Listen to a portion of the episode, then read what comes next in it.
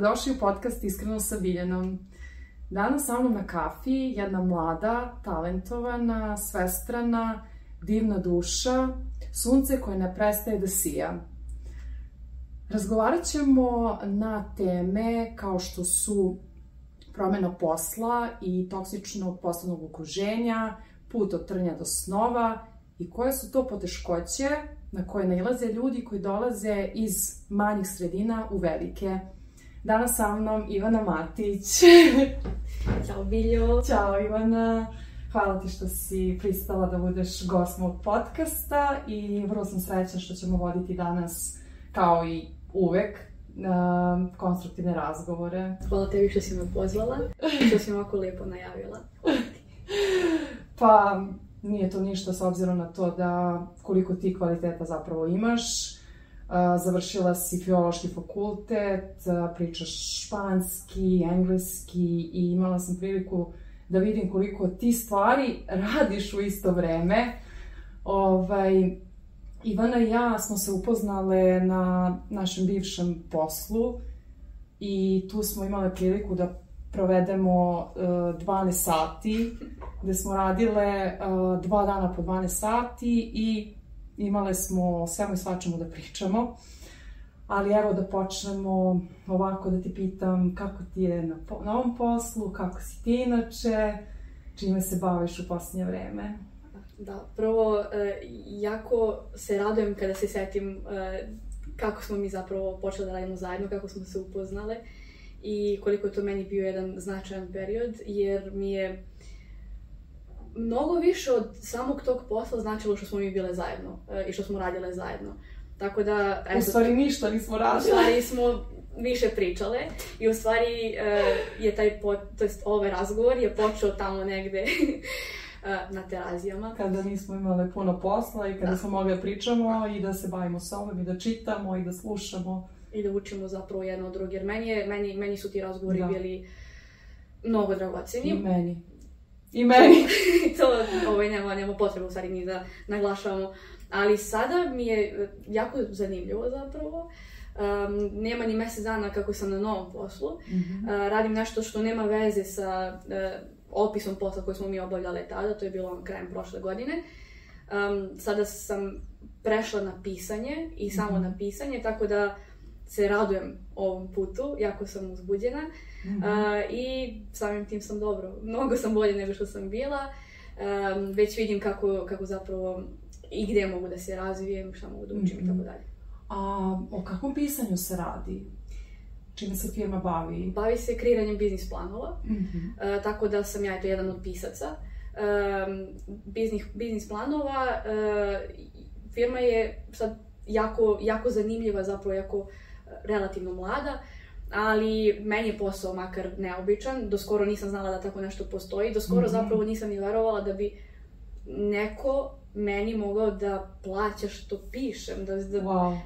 ne znam, pričali smo više puta i o tome, to je za neki deo, na neki način je to ostvarenje nekog dela, nekog sna. Jeste, zato što sećam se, mislim da prvo pitanje koje sam ti postavila, među prvim pitanjima, na poslu je koji je tvoj san, čime ti želiš da se baviš, da. jer sam primetila da toliko toliko si svesna, tako mlada, toliko imaš znanja, a da ne pričamo o tome da Ivana čita knjigu, radi, sluša podcaste, zaista mene to najviše oduševilo koliko ona je, koliko je pametna, koliko stvari može da uradi uh, za vrlo kratko vreme. I, ovaj, I da, kad sam te pitala čime želiš da se baviš, ti si rekla želim da pišem, mm, želim da budem pisac. Da, a ja sam morala da se osvrnem na ovo što si rekla. Sećam se da e, prvog dana, zapravo dana kada smo se srele, e, dok smo još čekale u, da. hodniku, ovo nismo ni znale kako će naš radni dan izgledati, ali da, smo, da si mi ti tada spomenula, brzo smo došle do toga, da si mi tada spomenula da bi pokrenula podcast. Da. Na moje veliko oduševljenje, jer kao ja samo čekam, samo čekam, zato što sad si rekla da sam slušala podcast, ja stvarno volim da slušam i mnogo slušam na, na, na dnevnom nivou. Tako da se ja stvarno radujem i ovo, moram da kažem i sada da ja dočekam da slušam i naredne epizode i uh, mnogo sam srećna što si počela da snimaš i Da, um, ja moram da kažem da mi Ivana bila ogromna podrška. Um, mnogo mi je značilo to njeno, njene reči, pre svega, reči utehe kada, kada bih se ja razočarala ili kada možda bih prestala da verujem u tu ideju. I sećam se uh, kada sam nekako bila, uh, prolazila sam kroz neki težak period i prestala sam da verujem u dobre ljude i jako sam bila razočarana. I jedna njena poruka je uspela da me digne iz kreveta Uh, i, i sećam se da sam se toliko, da sam toliko plakala što sam srećna što je ona deo mog života i mnogo sam srećna što eto, prosto sada mogu da, da sedim ovde da pričam s tobom, da pričamo o tako lepim stvarima jer smatram da redki su takvi ljudi i stvarno ih treba cijeniti. Tako da, eto, ovaj, m, vola bih sada da Um, da se vratimo na ovu ponudu Mnogo sam sada emotivna. Grlimo se sad. Da. Ili, ne, ja znam tačno na, na šta misliš na koju poruku i... Uh, a to jeste stvarno tako. Mislim, uh, aj sad kad gledam baš ovu knjigu, to ima vezi sa ovom knjigom. Da, da. Ali uh, više sad, ono, ne pričamo o poslu, o poslovnom okruženju, nego da.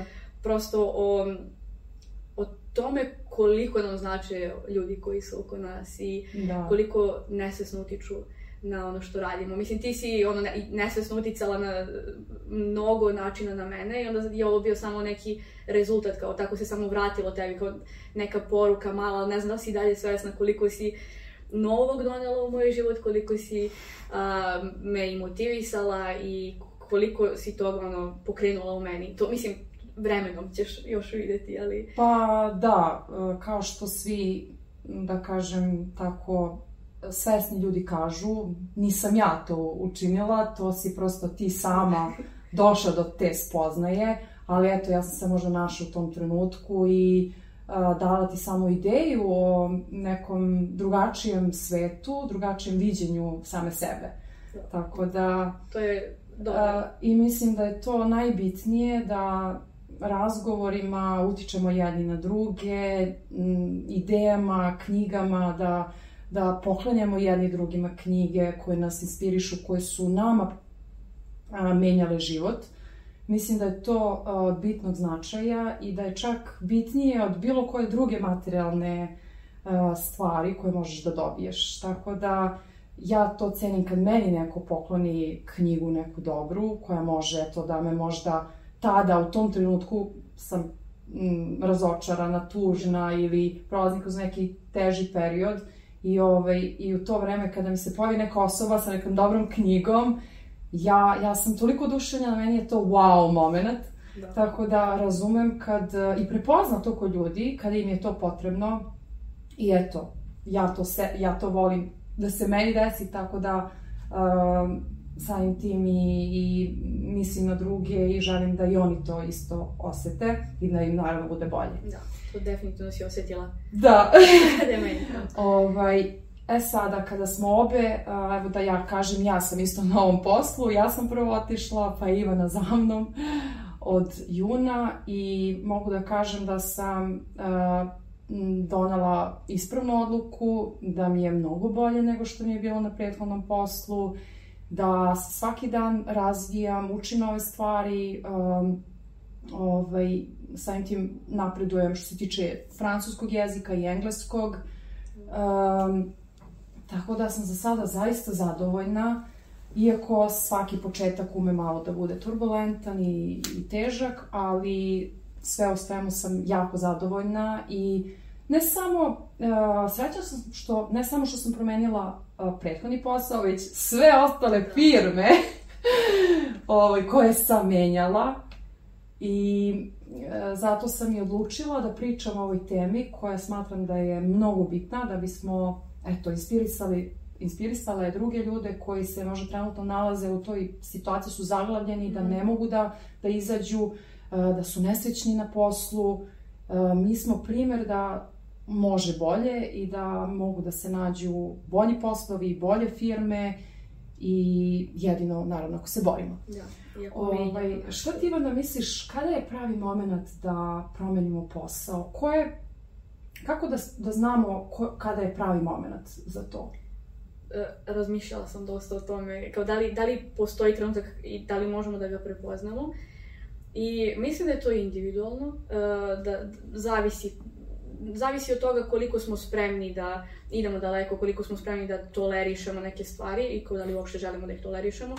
Znam da mnogo lju- ljudi jeste spremno i em, nama je to negdje bila zajednička, em, da kažem, strana, prosto mi nismo htjele da, niti ni ja, kada smo se upoznali, još smo tada shvatile, da ovaj, e, smo spremne da menjamo poslove, uprkos tome što e, to možda nije najbolja opcija, nije možda najlepše kada e, poslodavac vidi da ti imaš nekoliko firmi, a nemaš ne, mnogo godina i Mhm. da to kao stvarno niko ne voli. E, ali e, mislim da je potrebno da ohrabrujemo ljude, Mhm. da e, pričamo o tome i da ljudi sa što manje godina zapravo i što manje staža shvate da to je toliko irelevantno, to koliko ti imaš godina, to koliko imaš staža.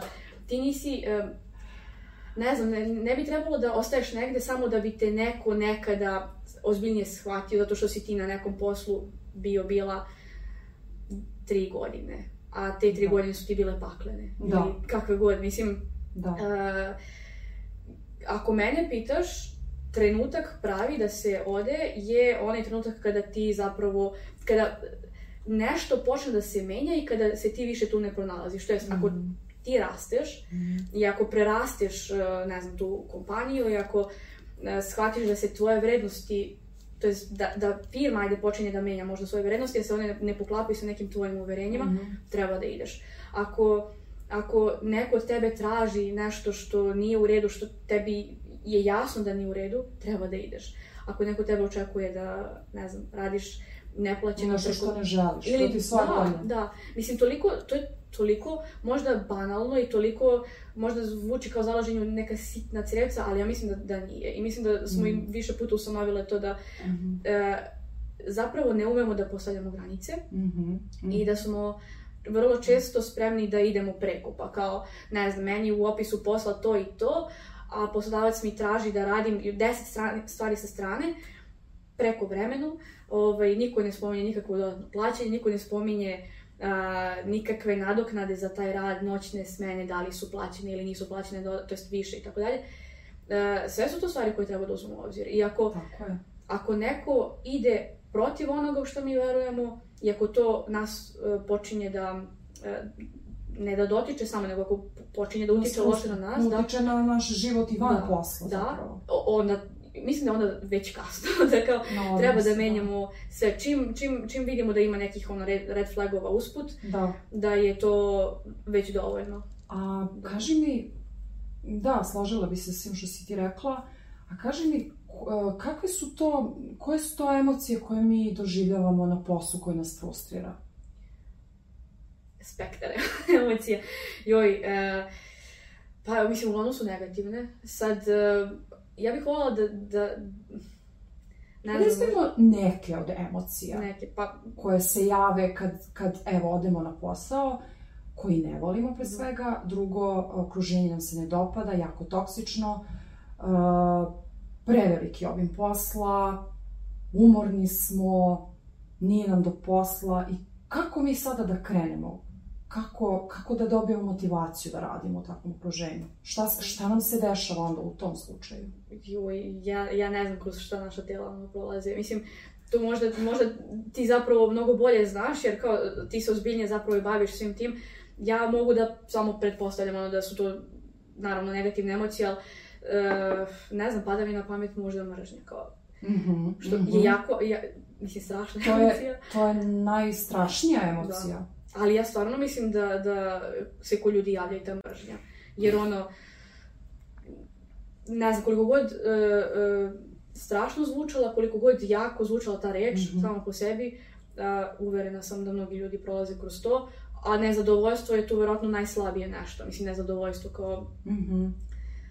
ne znam, ne znam. Da. Ja sam isto prolazila kroz razne emocije, uh, bes, agresivnost, um, pa da, i neka, neka mržnja u poslu koji, koji nisam volila da radim i koji mi u jednom trenutku narušavao mentalno zdravlje. Mm -hmm. Prosto um, nisam, nisam više mogla, moje telo više nije moglo da podnese, da uh, se javlja na milion poziva, da radi mailove, da radi četove. To je stvarno bilo previše za mene i prosto telo krene da reaguje, da ti moraš da uzmeš bolovanje, da ne možeš da, da, da, da radiš, da uh, sam bes prenosila na prosto moje roditelje, na sestre. Nisam tada imala partnera i znala sam da u tom stanju ga neću naći. To je izvesno, mislim... Tako negativna. Da. Ali, uh, ja sam u jednom trenutku rekla dosta mi je, ja ovo ne mogu da radim. I otišla sam tri meseca da se odmorim, da, da se oporavim psihofizički. Išla sam na putovanja, čitala knjige, uživala kod kuće. Prosto morala sam to da uradim da bih nastavila, mogla da nastavim dalje. Ovaj, tako da sam nekako naučila da slušam svoje telo, ali je taj, da kažem, prvi put možda najteži, da. kada, jer vidim da ima ljudi koji ostaju na jednom poslu i po 5, 6, 7 godina ne usuđuju se da, da odu, jer se boje. Jer se boje, da. Mislim da je da. strah koren svega i da je to naj, najniža emocija koja uništava sve. I tako da mislim da stvarno um, treba napuštati toksična okruženja, treba za sebe tražiti bolje, jer znaš već i sama da uvek postoji bolja firma, uvek postoje uh, bolje poslovne ponude, da. Jednostavno samo treba da budemo hrabri da kažemo ne. Ono što si ti rekla, da postavimo granice. Da. Ali sad, sad baš kad si spomenula uh, ovaj prvo odnos uh, sa porodicom, odnos prema ljudima da. oko nas, uh, fascinantno mi je koliko mi nismo svesni koliko posao utiče loše na nas i nismo svesni koliko mi utičemo loše na ljude oko sebe. E, I sad, ok, to vodi do ovog sindroma i, e, izgaranja i da. To je, mislim, to je vjerojatno najstrašnija stvar koja može da nam se desi. Da. Ali tad zapravo stvarno jeste već kasno. Mislim, kada mi počnemo te frustracije da prenosimo na ljude oko sebe, ja mislim da je to, to već gotovo. Da. A što se tiče straha, a, to, to mi je fascinantno isto, jer a, ga ne razumem. Mm -hmm. Ja ne razumem zašto ljudi i kako mogu da se plaše promene posla. Kao kako, ka, kako u moru ponuda, što ti kažeš, samo znaš da, da postoji milion ono, ponuda za razne poslove, možda ne idealnih, ali uvek možeš da nađeš nešto dok se ne stvori neka bolja prilika ili dok je da, ne stvoriš ti. Da. Ali iz nekog razloga ljudi biraju da ostanu tamo gde uh, da. izviru sve te loše emocije. To si lepo rekli, znaš te prekidam, a, znaju, ne da. znaju. Pa, mislim da je neznanje, da. mislim da je neznanje problem. Možda nisu probali, nisu čuli, ne znaju. Ne znaju da ima bolje. Jer oni za sebe možda ne znaju da mogu biti bolji i da mogu naći bolje. Da. Možda ne znaju, eto. Možda ne znaju, ali ne znam, zato treba da ih ohrabrujemo, nemam pojma, mada opet i kada, i kada ti nekome daš do znanja da bi trebalo da uh, ide dalje, da, da prosto to je nekako normalno, normalan sled uh, događaja, da ti kada da. nisi zadovoljan nečim, to moraš da menja. Zapravo je sve izbor. Zato mi nije jasno zašto se ljudi plaše. Da. Kao, da. Sve se zasniva na tome da ti uvek možeš da biraš da li ćeš da ostaneš na tom mestu gde jesi sada ili ćeš da ideš dalje. To dalje ne mora nužno da bude nek neki napredak neverovatan i boljitak i, i bolja pozicija, ali kao moraš da se krećeš. Mislim, ti ako ostaneš, ako stojiš u mestu i ako očekuješ da se stvari menjaju, neće se menjati. Da, bravo. I onda mi taj strah nema smisla. Neće se ništa promeniti. Da, može da bude opravdan, ali mi nekako nema smisla. Možeš da probaš da promeniš nešto. Ili da ja sam da. u svim firmama u kojima sam radila, ja sam pokušavala. -huh. probala sam, da možda probam da promenim nešto. I onda dam sve od sebe, dam svoj maksimum i shvatim da ne mogu ništa da promenim i onda se spakujem i idem da. dalje. Jednostavno, mislim da uvek treba probati. Uh, jer ako ne probamo, onda ćemo se možda kajati. E, da. kao, zašto ja to nisam probala, zašto ja to nisam rekla svom šefu, uh mhm. -huh. zašto nisam pričala sa HR-om o tome i tome. Probaš, pa ako može, može, ako ne može, ne može. Nekako, mislim, ja sam, ja sam baš za, za kompromise i da, mislim da treba iskreno pričati i sa poslodavcima i sa šefovima. Probaš, pa nešto, pa da. nešto će se desiti, nešto će i, izaći iz svega toga. Tako da, ovaj, uh, mislim da u životu sve može da se promeni i nekako sve se na kraju se sve shvatiš da se sve desilo s razlogom i da ovaj i, i, i samo kažeš sebi wow, kako sam ja mogla uopšte da tolerišem to, kako sam ja Bože, kako sam ja mogla sebi da dozvolim da budem, da me tako tretiraju, da, da se tako ophode prema meni.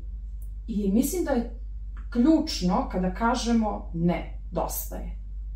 To je ta odluka kada, kada odlučimo da želimo nešto bolje za sebe, dosta, ja sam, I'm done. to što ti kažeš, probaš prvo da menjaš ne samo kod sebe, nego i kod, u, u tom nekom svom poslovnom okruženju probaš da menjaš da. neke stvari, ako nisu zainteresovani, da, ideš dalje. O, ovaj, ali e, sad razmišljam o tome kako kada kreneš, kada uđeš u poslovni svet, e, ne, znam, ne znam sad kako sam se osjećala, ne sećam se baš iskreno, kako sam se osjećala na prvom poslu, na drugom poslu, ali imam sreću što uh, je prvi posao, drugi posao, treći posao bio preko mladinske zadruge. Onda to su poslovi jednostavno, mm -hmm. uh, kako kažem, ograničenog roka traje. Mislim, to nisu poslovi koje sam ja mogla da, gde sam mogla da napredujem, nego uh, bih radila na mesec dana, dva mm -hmm. meseca mm -hmm. kao student. I onda sam bila svesna od početka da, da ne bih ostajala tu uh, duže, Zao. da, nije da. bilo ni prilike, a da. i zašto bih. Ovaj, pa mi je možda to pomoglo kasnije da, da samo eto budem svesna da stvari moraju da se menjaju, da, da. ako mi nešto, ako nađem nešto bolje, pa skroz je okej okay, da, da probam to nešto bolje. Mislim, ako, ako mi se javi neka bolja prilika da. koju priželjkujem, ja sigurno neću ostati uh, u mes, da svojim u mestu gde nema prilike da se Bravo. krećeš. Mislim, tako je, tako je. To je nekako, da, ne, opet kažem logično, ali i da. ne, ne često tako. Pa trebalo bi svi mi tako da, da razmišljamo. Mislim, slažem se da na svakom poslu postoje izazovi, ali ono što je jako bitno jeste odlučiti šta, šta smo mi spremni da tolerišemo zapravo. Ono dobro i ono loše. Mm -hmm. Ok, meni ova firma prija zato zbog toga, toga i toga. Nedostaci su ti i ti, ali nije to toliko strašno u odnosu na ono što meni odgovara. Mislim Dobro, da, da, da uvek treba imati jasne ciljeve i šta mi očekujemo od neke firme, pre nego što, mislim, ne od firme, generalno, uh, uopšte od, od neke osobe može da bude i, mislim, i u vezi šta očekujemo. Mi moramo da znamo uh, ovaj, šta je ono što i, nam, i kod neke osobe odgovara, Uh, e sad, svaka se mamane, znači moramo da znamo šta, šta, da li ćemo to tolerisati ili ne. Da. Znači sve je u nama. E sada, htela sam da te pitam, um, zašto, zašto je važno menjati posao i to poslovno okruženje koje nas ne inspiriše, uh, dok ne nađemo nešto mnogo bolje? Pre svega, uh, koliko je to bitno za nas kao individue, a i za našu karijeru dalje? Mislim da od presudne važnosti, definitivno. Ja, uh, ja se iznenadim zapravo kada čujem da je neko dugi niz godina na, u nekoj firmi, nekoj kompaniji. Mm -hmm. Meni to više nije odlično je i skidam kaput ljudima da. koji su, ne znam, dugo na nekim pozicijama, ali mislim da je kada kreneš jako važno da, da menjaš posao, da probaš pa i različite stvari, jer kako god to delovalo iz ugla poslodavca, ti stičeš iskustvo bez obzira na trajanje Tako. tog posla koji obavljaš. Da li je to mesec dana, da, mislim, Ajde, Radiš različite stvari u, u da, svakoj da, firmi. Da. Iako si na istoj poziciji, da kažem, na da. papiru, opet radiš različite Upravo to. A i e, ja sam zapravo skoro shvatila, zapravo uvidela kako se odražava, od, odrazilo u stvari na mene, jer sam ja e, vrlo sazrela zbog svega toga. E, stavljala sam sebe u neprijatne situacije, a jeste neprijatne situacije to kada menjaš posao, pa daješ otkaz, pa ulaziš u nešto novo. Ostaš bez para među, između da, poslova. Da. Pa onda, ali stavljaš sebe u neprijatne situacije i u smislu da ti sada treba da ulaziš u nešto novo, mm -hmm. da se mhm. upoznaš sa novim ljudima, mm -hmm. sa novim uh, poslom, sa novim, ne znam, menadžmentom, uh, procedurama, svim i svačim. Mm -hmm. I uh, nekako, koliko god da je to meni često ajde i bolno, uh, jako je važno, jer ti tako u tom nekom poslovnom smislu rasteš mm -hmm. i onda mm -hmm. ćeš za neku sledeću priliku biti spremnija, spremni mm -hmm. kandidat, mm -hmm. kandidatkinja, e, moći ćeš da postaviš uslove, pa recimo e, kada kažeš da je potrebno da znamo što očekujemo od posla, ja ne znam koliko mi možemo da očekujemo da znamo što očekujemo sa, ajde, ne znam, 23 ili 24 godine. Mm. Mislim, ti kada nebitno, ali ajde da uzmemo te neke godine kao godine kada završavamo osnovne studije da. i sad ja posle faksa ulazim u poslovni svet, ja ne znam što očekujem od, od posla, od poslodavca. Ne znaš ništa. Ništa. Prosto, ja ništa ne, ne znam da prepoznam te crvene zastavice o kojima pričamo uh, usput. Što se, kako kažem, što, kako prolazi vreme, kako se ti krećeš kroz ono firme, kroz razne, kroz ta razne okruženja, počinješ da shvataš i šta tebi prije, šta ti ne prije i kao šta možeš da tolerišeš možda, što ne želiš i koliko ti zapravo... Ja mislim da, da na samom početku, u nekom trenutku, na samom početku uh, radnog odnosa, posle nekog vremena, mi možemo i da shvatimo koliko smo spremni da ostanemo negde. Mislim da smo, da smo više puta pričali tačno, o tome da kao... Tačno, slažem se. Ti sa, sa nekim godinama da. već znaš kao, ok, uh, ovde je sve kako treba, ja vidim sebe ovde, kao vidim mm -hmm. sebe ovde i za dve godine i za možda pet godina, što je skroz ok, mislim, to što treba da menjaš poslove ne znači da ako ti negde dobro, treba nužno da ideš odatle, mislim, ne. Tačno. Ali... Ako se firma razvija, ako da, ti tu da. imaš razne treninge s vremena na vreme, ako i ti rasteš prvo kao osoba, da. drugo i postaješ,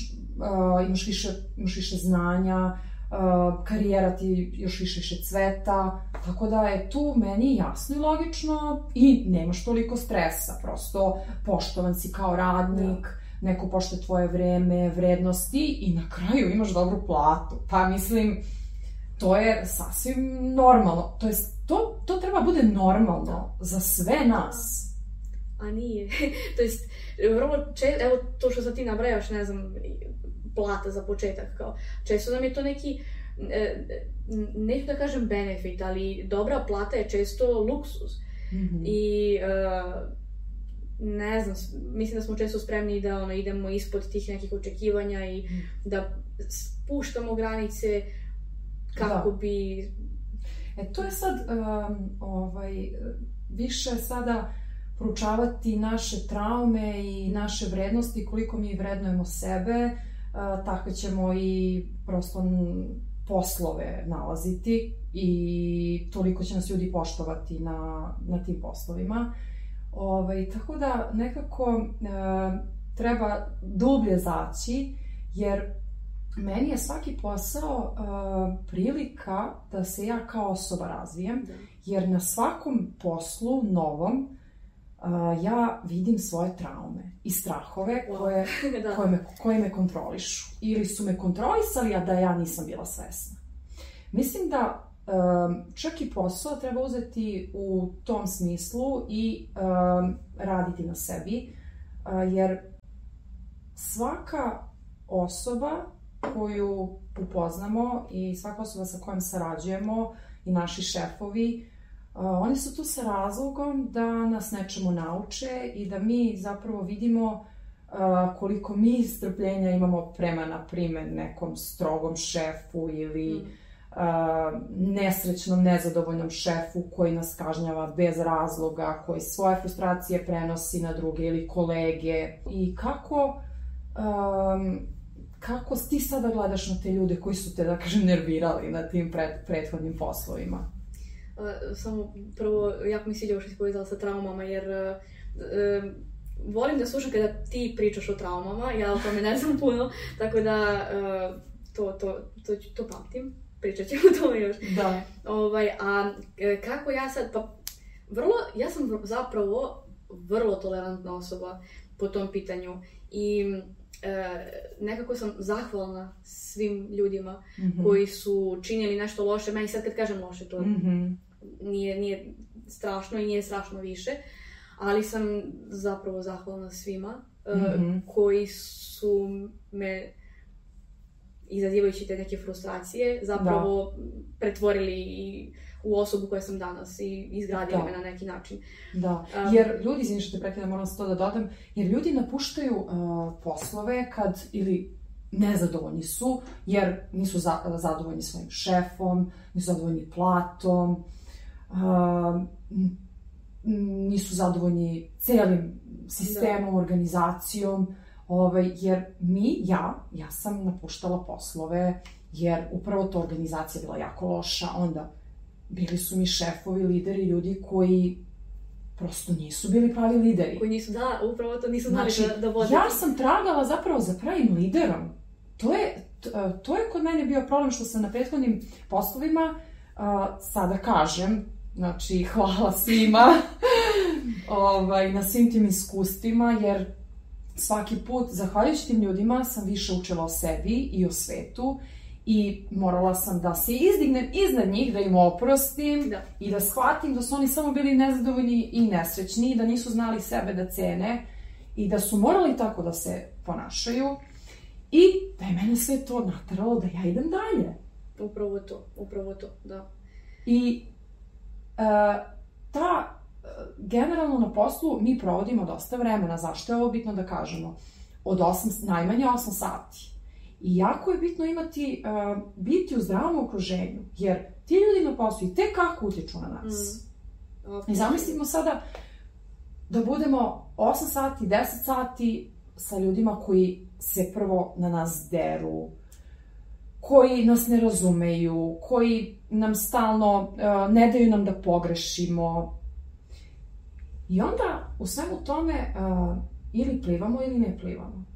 Ja nisam uspela da plivam u takvoj situaciji jer mi nije bila uh, inspirišuća situacija, odnosno okruženje Mhm.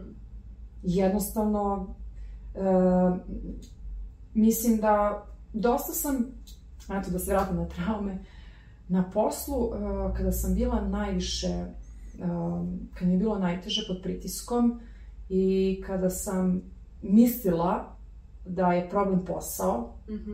ja, sam, ja bih tada otišla kod psihologa i pričajući sa njom shvatila da uh, kada me pitala, dobro, zašto ti doživljavaš toliko uh, tako dramatično posao i te, te ljude, stres, to nije tvoja firma. To je upravo, zašto se ti tako, zašto se treseš, zašto, zašto bi plakala na poslu? Znači, to je, uh, kako ćemo se mi ponašati na poslu, dosta zavisi od toga kako smo mi detinstvo provodili sa, provodili sa, sa roditeljima i uh, da li smo smeli da pogrešimo, uh, da li smo sve dobro uradili. Moje, ja da kažem, ja sam nekad na poslu želim da sve bude savršeno. To znači da ne smem da pravim greške, Mhm. Vrlo pogrešno. ali to je vrlo pogrešno. Ja sam ljudsko biće, ja mogu da pravim greške. I moraš. I da, mislim da od nas zavisi, imala sam dosta situacije tada kad sam mislila, ja napravila sam grešku, ja šta će oni reći, e, kako ću ja to podneti, ali ako ja prihvatim tu svoju grešku, mislim, prihvatit će i oni jednostavno. Ove, tako da, a, mislim da dosta zavisi kako, kako reagujemo na poslu, kako se ophodimo prema drugima, a, zapravo zavisi od, od em, života koji Mhm. vodimo ili kako smo vodili u detinjstvu. Da, da. I zato kažem da svi ti, da kažem, zli šefovi ili loša organizacija potiče od tih ljudi koji su nezadovoljni i nesrećni, koji imaju ko zna kakve probleme. Nerešive i onda to prenose na nas. Prenosim nas. A e, sad kad ovaj, već malo dublje pričamo o traumama e, i ovo što si spomenula e, me nekako navjelo da se setim baš trenutak kada sam ja to osvestila kod sebe, odnosno kada sam postala svesna, uh, kako sve, svi ti problemi iz prošlosti, moji problemi, ovo isplivavaju na površinu, uh, dok sam radila u jednoj kompaniji u kojoj sam imala priliku ajde, da, da se stvarno lepo razvijam i stvarno mm -hmm. sam imala priliku da puno radim i da vidim uh, neki napredak. Uh, bila sam cenjena, što je meni jako bitno. I nekako se, ajde sad, uh, od toga da sam bila cenjena i poštovana, uh, kod mene je stvorila neka potreba da ja budem perfekcionista, upravo ovo što si mhm. spomenula, -hmm. a ja nikada nisam bila perfekcionista. I sad, uh, ja od uvek sam, ajde, ne znam, ako se vratim na osnovnu i srednju školu i na faks, nekako se od mene uvek očekivalo da budem dobar đak, dobar student, mm -hmm. uh, uvek se očekivalo da budem dobro dete, mm -hmm. da ne pravim greške. Mm -hmm. uh, ne znam koliko se to očekivalo od mene, ali sam ja tako to doživljavala mm -hmm. uvek mm -hmm. i uvek sam se trudila da budem dobra na tim poljima. Uh, I to je za mene bio uspeh. I sada kada sam došla u situaciju, to je, ajde sad već ono, poprilično prethodno iskustvo, ali kada sam došla u situaciju da mene neko ceni, uh, mislim da se, to sam kasnije opet, toga sam postala svesna kasnije, pro, probudio su meni taj dobar đak koji je mm -hmm. hteo da sav taj uspeh na dnevnom nivou preraste u nešto mnogo veće, mnogo ozbiljnije. Ja sam mm -hmm. uživala u tome uh, da mene ljudi hvale, mm -hmm. da nadređeni da me, da me hvale, da uh, javno pohvale svaki moj mali uspeh koji nije, apsolutno nije bio uspeh. Ali ćete vi. kako sam ja, kako sam ja ozbiljna carica, kako ja umem ovo, to su tako neke besmislene da, stvari. dokazivanje, dokazivanje. Ja sam se mnogo dokazivala, to je bolesno bilo. A svi smo to radili. Pa, ne znam, mislim... Neko manje, neko više. Neko manje, neko više. Da ja sam u tom trenutku, pre toga, nisam imala potrebu. Ono, radila sam tokom studija prvo u magazinu, baš sam se, mm -hmm. pre nego smo počela da pričamo, prisjećala ovaj, mm -hmm. tih nekih početaka. Moj prvi posao je bio posao u magazinu. E, nakon što sam e, dala sve ispite u prvom, u, bože, Aha. u junskom, julskom roku, u prvoj godini na fakultetu, ja sam kao htjela da radim, htjela sam da prvi put, što je nije za pohvalu, ali sa 20 tada napunjenih godina sam htjela da radim i da imam svoj novac i da eto, imam tu neku slobodu, nebitno, ali sam tako polako ušla jel, u mm -hmm. ovaj poslovni svet.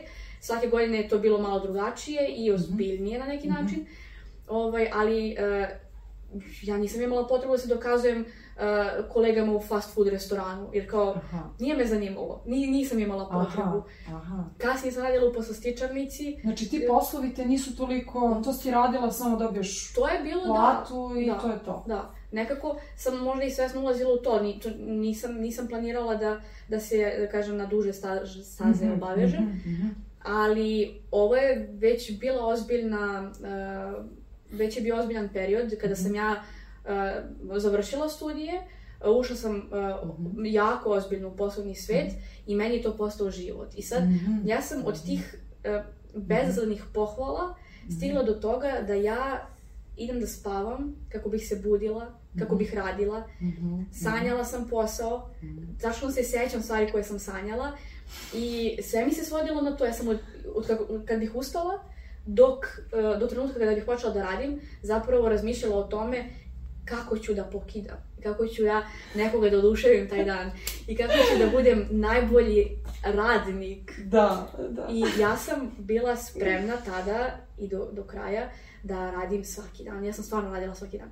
Ovaj, što je, kažem ti, meni bilo jako neobično jer ja nisam bila perfekcionista, mm -hmm. ali se javila ta potreba da ja imam nekada su to bile sve petice, a sad je to bilo da ja budem, da imam najbolje e, performanse, da ja budem najbolji radnik, da ja mm. najbolje odradim svaki zadatak, da ja sve radim, e, neko nešto nije mogao, ja hoću to da odradim. Mislila sam da ja najbolje radim sve što umem da radim i to je tako bolesno postalo da sam ja svaki dan bila u tom modu mm. e, i izgorela sam, pregorela sam.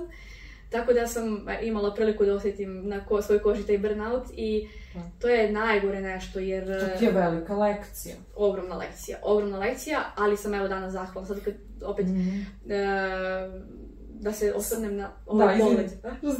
Da, Sada znaš kad je pravi trenutak da ideš, jer Upravo to. nećeš da, Da. da dozvoliš sebi da doživiš opet taj burnout. Da, da. Što je, tvoje telo sada prepoznaje takve Upravo. situacije. Upravo to i e, tada je bilo loše, ali sada sam jako zahvalna. Mislim, ako, Mhm, ako pričamo mhm. već o tome kako gledamo Da, na, na te ljude koji su hajde Da. sad bili, neću da kažem loši, Prema nama, jeste. Ali mi, mi, isto, mi da. na njih, tada u tom trenutku smo uh, gledale, naravno, mislim, ja sam isto bila mlada, ništa o životu nisam znala.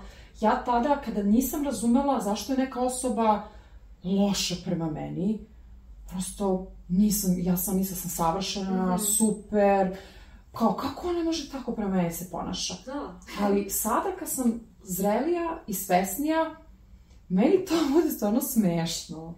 Ja, kad bi sad neka osoba počela se dere ili kad bih zamislila tu situaciju, meni bi to bilo smešno. I čak ne mogu više ni da zamislim te loše ljude, kao, koji nisu bili fair, pošteni prema meni.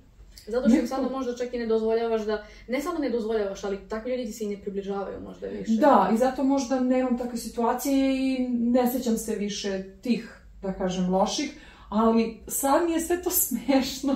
Pa Ovaj, sada jeste, ali tada nije- zaista, nije bilo. mm, e, zato što sam naučila da više razumem sebe pre svega, a samim tim i ljude oko sebe. Mhm. I na taj način sam im oprostila, jer sam svesna da oni tada nisu bili najbolja verzija sebe, da su bili ko zna kojim problemima Mhm. i kažem, neka im je Bog u pomoći, zaista. Ako su i dalje tamo gde su bili. Da, ako su i dalje tamo i ako se dalje loše ophode prema ljudima, jer sam primetila da su ljudi spremni na sve, na našim prostorima, da kažem trenutno, da bi došli do neke pozicije, znači da, da gaze preko ljudi, to je meni, um, to je nešto što prosto ne mogu da shvatim, zaista. Mislim, Koliko god razumem, pokušavam, ali ne želim da živim u takvom svetu, u takvom sistemu.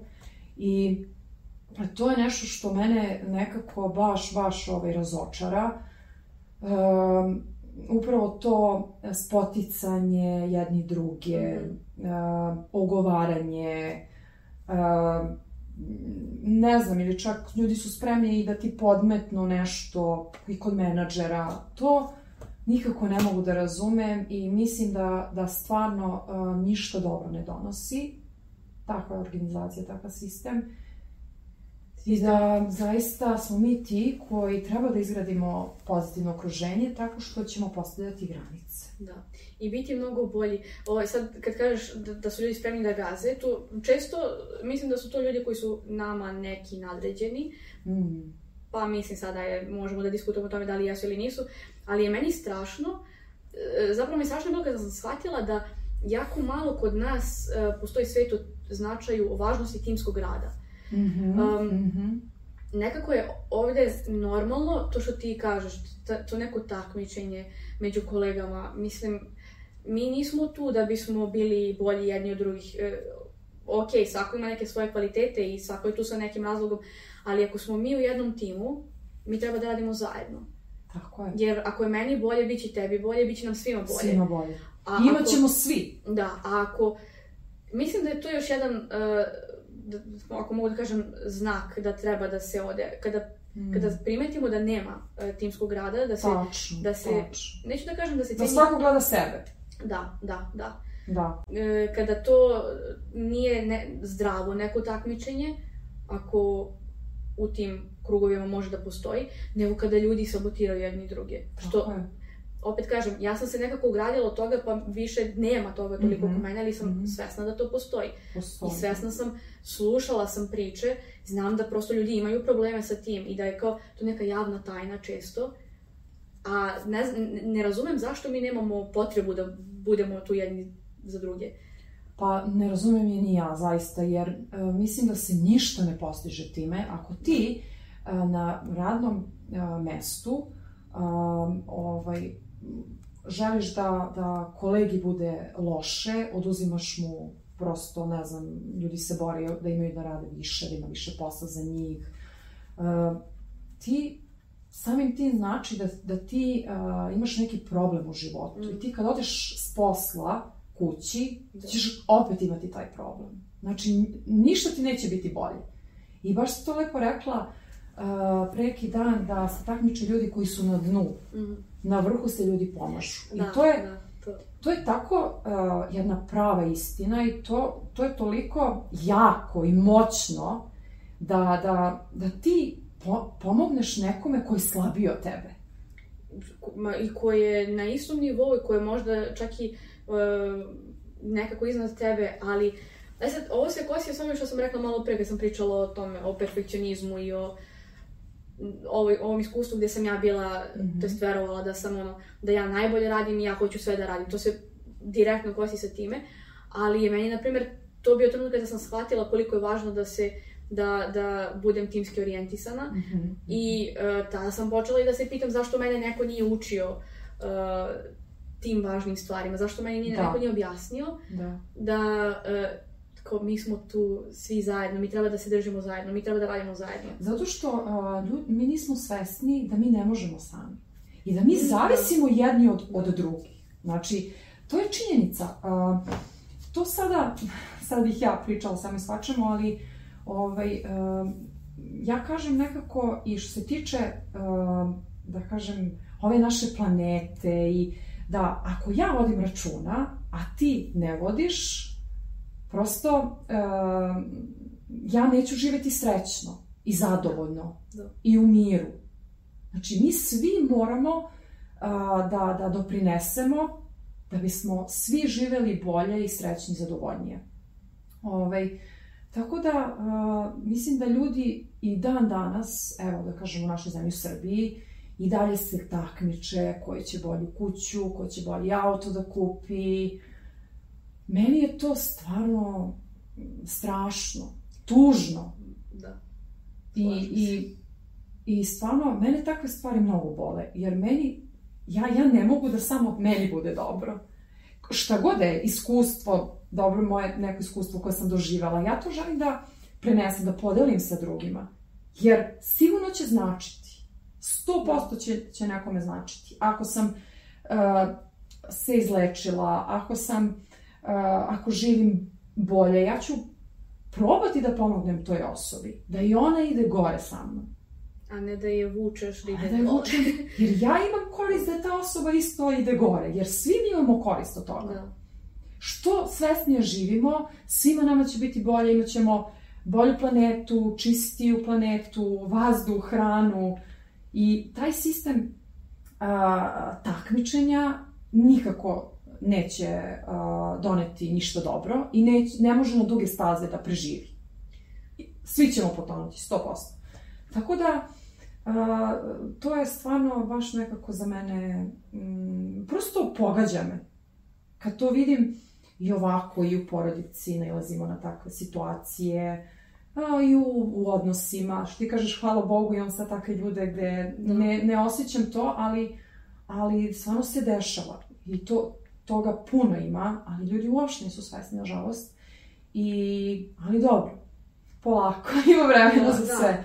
A, htela sam da te pitam jedno pitanje, a, jer smatram da je vrlo važno, a, što za nas, što za ljude koji nas gledaju i koji se možda koji su trenutno u nedoumici, da li da promenim posao, da li da napustim ovaj posao, nisam zadovoljna, nisam srećna, plata mi se ne dopada, nezadovoljan sam, odlazim kući, neraspoložena, raspoložena, to mi utiče na brak, na odnose sa porodicom. Zašto se ljudi ne usude da kažu ne, ja više ne želim ovakav posao, idem dalje. Što misliš, koja je to emocija koja ih najviše sputava? Prvo, prvo menjajte poslove. ne, prvo stvarno mislim da, da je to ona najvažnija poruka i da... Definitivno.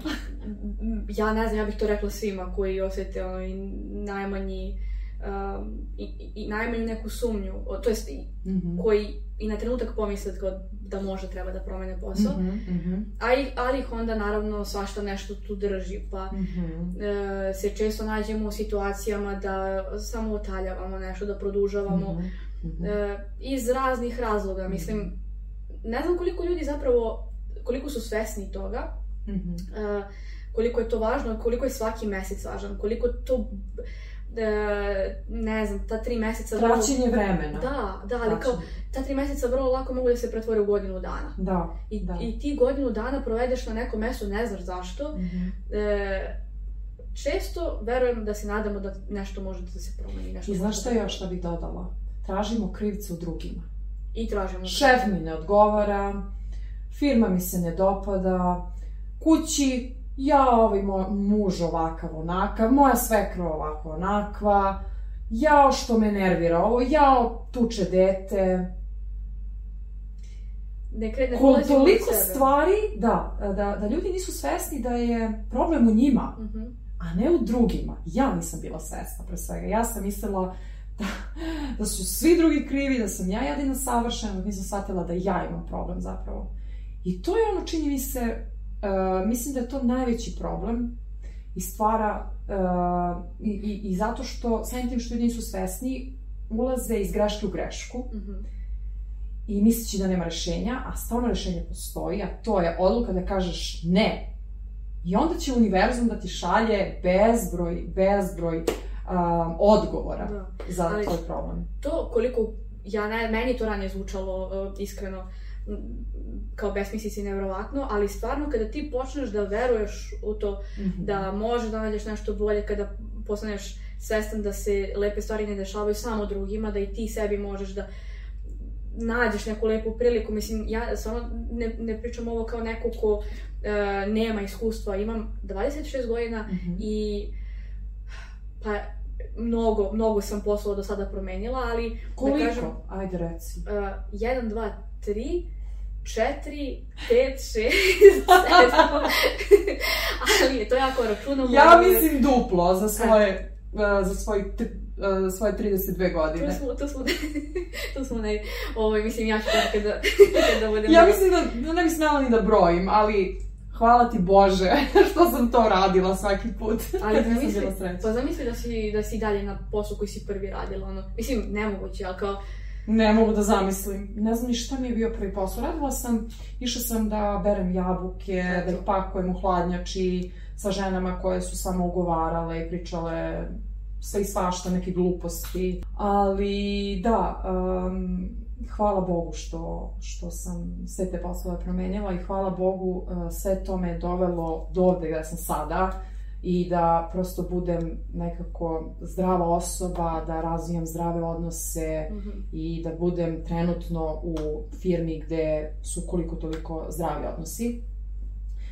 E, tako da, ovaj, eto, u suštini mislim da um, strah nas koči mm -hmm. i da većina uh, eto, plaši se, imam decu, kako ću, ili šta će drugi reći. To osuda, da. da. Osuda. Često je to razlog. Da. To, uh, izvini, sad prekidam te, ali um, to si spomenula, pričali smo i, ovaj, dosta o tome, nego nisam razmišljala o tome koliko mm. zapravo uh, strah od toga šta će drugi reći je često pokretač. Mm. Uh, to jest ono što nas drži u mestu, nikakav pokretač, to nije e, neko će da misli da ti nisi ozbiljna osoba. Ja sam malo spomenula poslodavce koji kao, mm. e, ti se plašiš da odeš iz firme jer će naredni poslodavac, ako ti imaš manje od godinu dana radnog iskustva, da misli da ti neozbiljna osoba. E, ja sam srećna i jako ponosna na sebe što mi to nikada nije bilo, e, nikada se nisam vodila time bila sam svesna da to može da bude nedostatak i da neko može zbog toga da me gleda malo popreko i da neko... Ja sam može... mislila to, da? izvinješ što te prekinu, ali ja sam isto mislila da ja neću moći da nađem ozbiljan posao, drugi su me isto gledali, osuđivali, kako stalno mineš poslove. Onda ja sam se bojala kritike, bojala sam mm -hmm. se šta će moji roditelji reći o tome što ja menjam posao koji meni ne odgovara koliko je to glupo, koliko je to, mislim, ljudi, hello, ono, šta te briga šta će ko reći, jer taj neko tebi ne daje novac, da. taj neko e, ne, ne škole tvoju decu, taj neko e, ne zna kako se ti osjećaš. Ali se plašiš da će drugi ljudi da te e, vide kao razmaženu osobu, kao da. osobu koja e, ja ne znam zašto smo takvo društvo gde e, ta netolerancija loših okolnosti, loših šefova, loših mm -hmm. kolega je posmatrana kao nešto... Normalno. Zapravo kao... Ne, ne kao normalno, nego ako ja ne tolerišem mm -hmm. loše okolnosti i odlučim da odem, mm -hmm. zašto sam ja mm -hmm. smatrana osobom koja uh, je razmažena, koja Absolutno. je neozbiljna? Ja, ja znam koliki su moji kapaciteti, kapaciteti znam koliko mogu, znam da sam jako ozbiljna osoba i Šta više, svaka promena posla moja je bila uh, odluka, to je pokušaj da ja odem negdje gdje ću biti duže i gdje ću moći da budem ono, I... da dam bukvalno sav svoj potencijal. Da, i ti si prosto žela da nađeš firmu koja će ti pružiti to da ti ostaješ duže. Da. Mesto. Da. da kažem firma, ali to nije firma, to je mesto, to, je, to su zdrave, zdravo okruženje, da kažem. Da. Gde ti možeš tu da imaš normalne osobe sa kole, e, normalne odnose sa kolegama, da pričaš o životu, da radite, da prosto ti bude lepo na tom poslu, da. jer dosta vremena provodiš. A mislim, sas... da, izvini, ali 8 sati dnevno uopšte nije malo. Mi smo radile, i sama si rekla, po 12 sati dnevno. Da. Meni da. je zbog toga sada jako čudno i kratko. Da. Malo mi je vremena kada radim 8 sati, što je strašno. Da. Ovaj, ali, ali da. Uh, I ovaj, htjela sam da kažem da se zapravo vratim i na neka prethodna iskustva. Mm -hmm. Ovaj, um, okay. Sad sam uh, pa, uh, u suštini, uh, šta je ono, uh, kako to osjećanje treba da imamo o sebi uh, kada tražimo posao, kada idemo na kada damo otkaz i idemo na bolje ponude. Šta je, šta je to što mi odbacujemo, a dobijemo na, na novom poslovnom okruženju. Upravo što si sada pričala o, o, o tome kako ovaj, uh, kada mi, da je to prosto normalno da odbaciš toksično okruženje na poslu. Kako, da li zapravo uh, to osjećanje koje imamo trenutno u sebi utiče na to kakav ćemo mi posao dobiti? Definitivno, da, da, da. Uh, pa, ne znam, ne znam koliko je koliko je smešno da, da kažem da, da prosto e, ono što ti vidiš i ono kako doživljavaš sebe je zapravo a, odraz prilika koje ti se javljaju. Mislim, Bravo, ja, sam... to je to, apsolutno. Da. To je, to je, to je velika, to je velika rečenica, da. apsolutno. Onako kako ti sebe vidiš, tako te drugi vide, koliko poštuješ sebe, tako to se odražava i na platu koju dobijaš za ono što radiš. Ako prihvatiš da radiš za manje para, to nije zato što je ta firma loša, to nije zato što je ta firma ne znam kakva, nego je to odraz tvojih uh, očekivanja, e, Tako ono je. kako ti sebe vidiš. Mislim, Tako je. aj sad ako se uh, vratimo na početke, ja kad se prisjećam, uh, prvog, o, prve ozbiljne prilike poslovne, prvog razgovora, gdje sam imala priliku da radim zapravo nakon, uh, nakon studija sa španskim jezikom. Uh, ja nisam umela da pregovaram, eto, to je jako bitno. Uh, ja, meni je rečeno da je plata tolika i tolika i ja sam bila presrećna jer prvi put mogu da radim, to je bilo više od svega onoga što sam ranije zarađivala kao student, logično. I ja nisam ništa pitala dalje, ja nisam ni u jednom trenutku rekla uh, pa znate kako ja ne bih mogla da radim za manje od toliko mesečno, uh, zato što mi prosto troškovi mesečnog života, života na mesečnom nivou mm. ne dozvoljavaju to ili ne znam mm. ja mhm. iz kog razloga. Ili kao, ako želite da radim za vas, to je moguće, ali ja očekujem platu od toliko i toliko najmanje u početku. Naravno, bravo, bravo. Svaka ali... čast na, na toj hrabrosti, jer ti kad pričaš o tome, vidi se ta, ta tvoja um, odlučnost.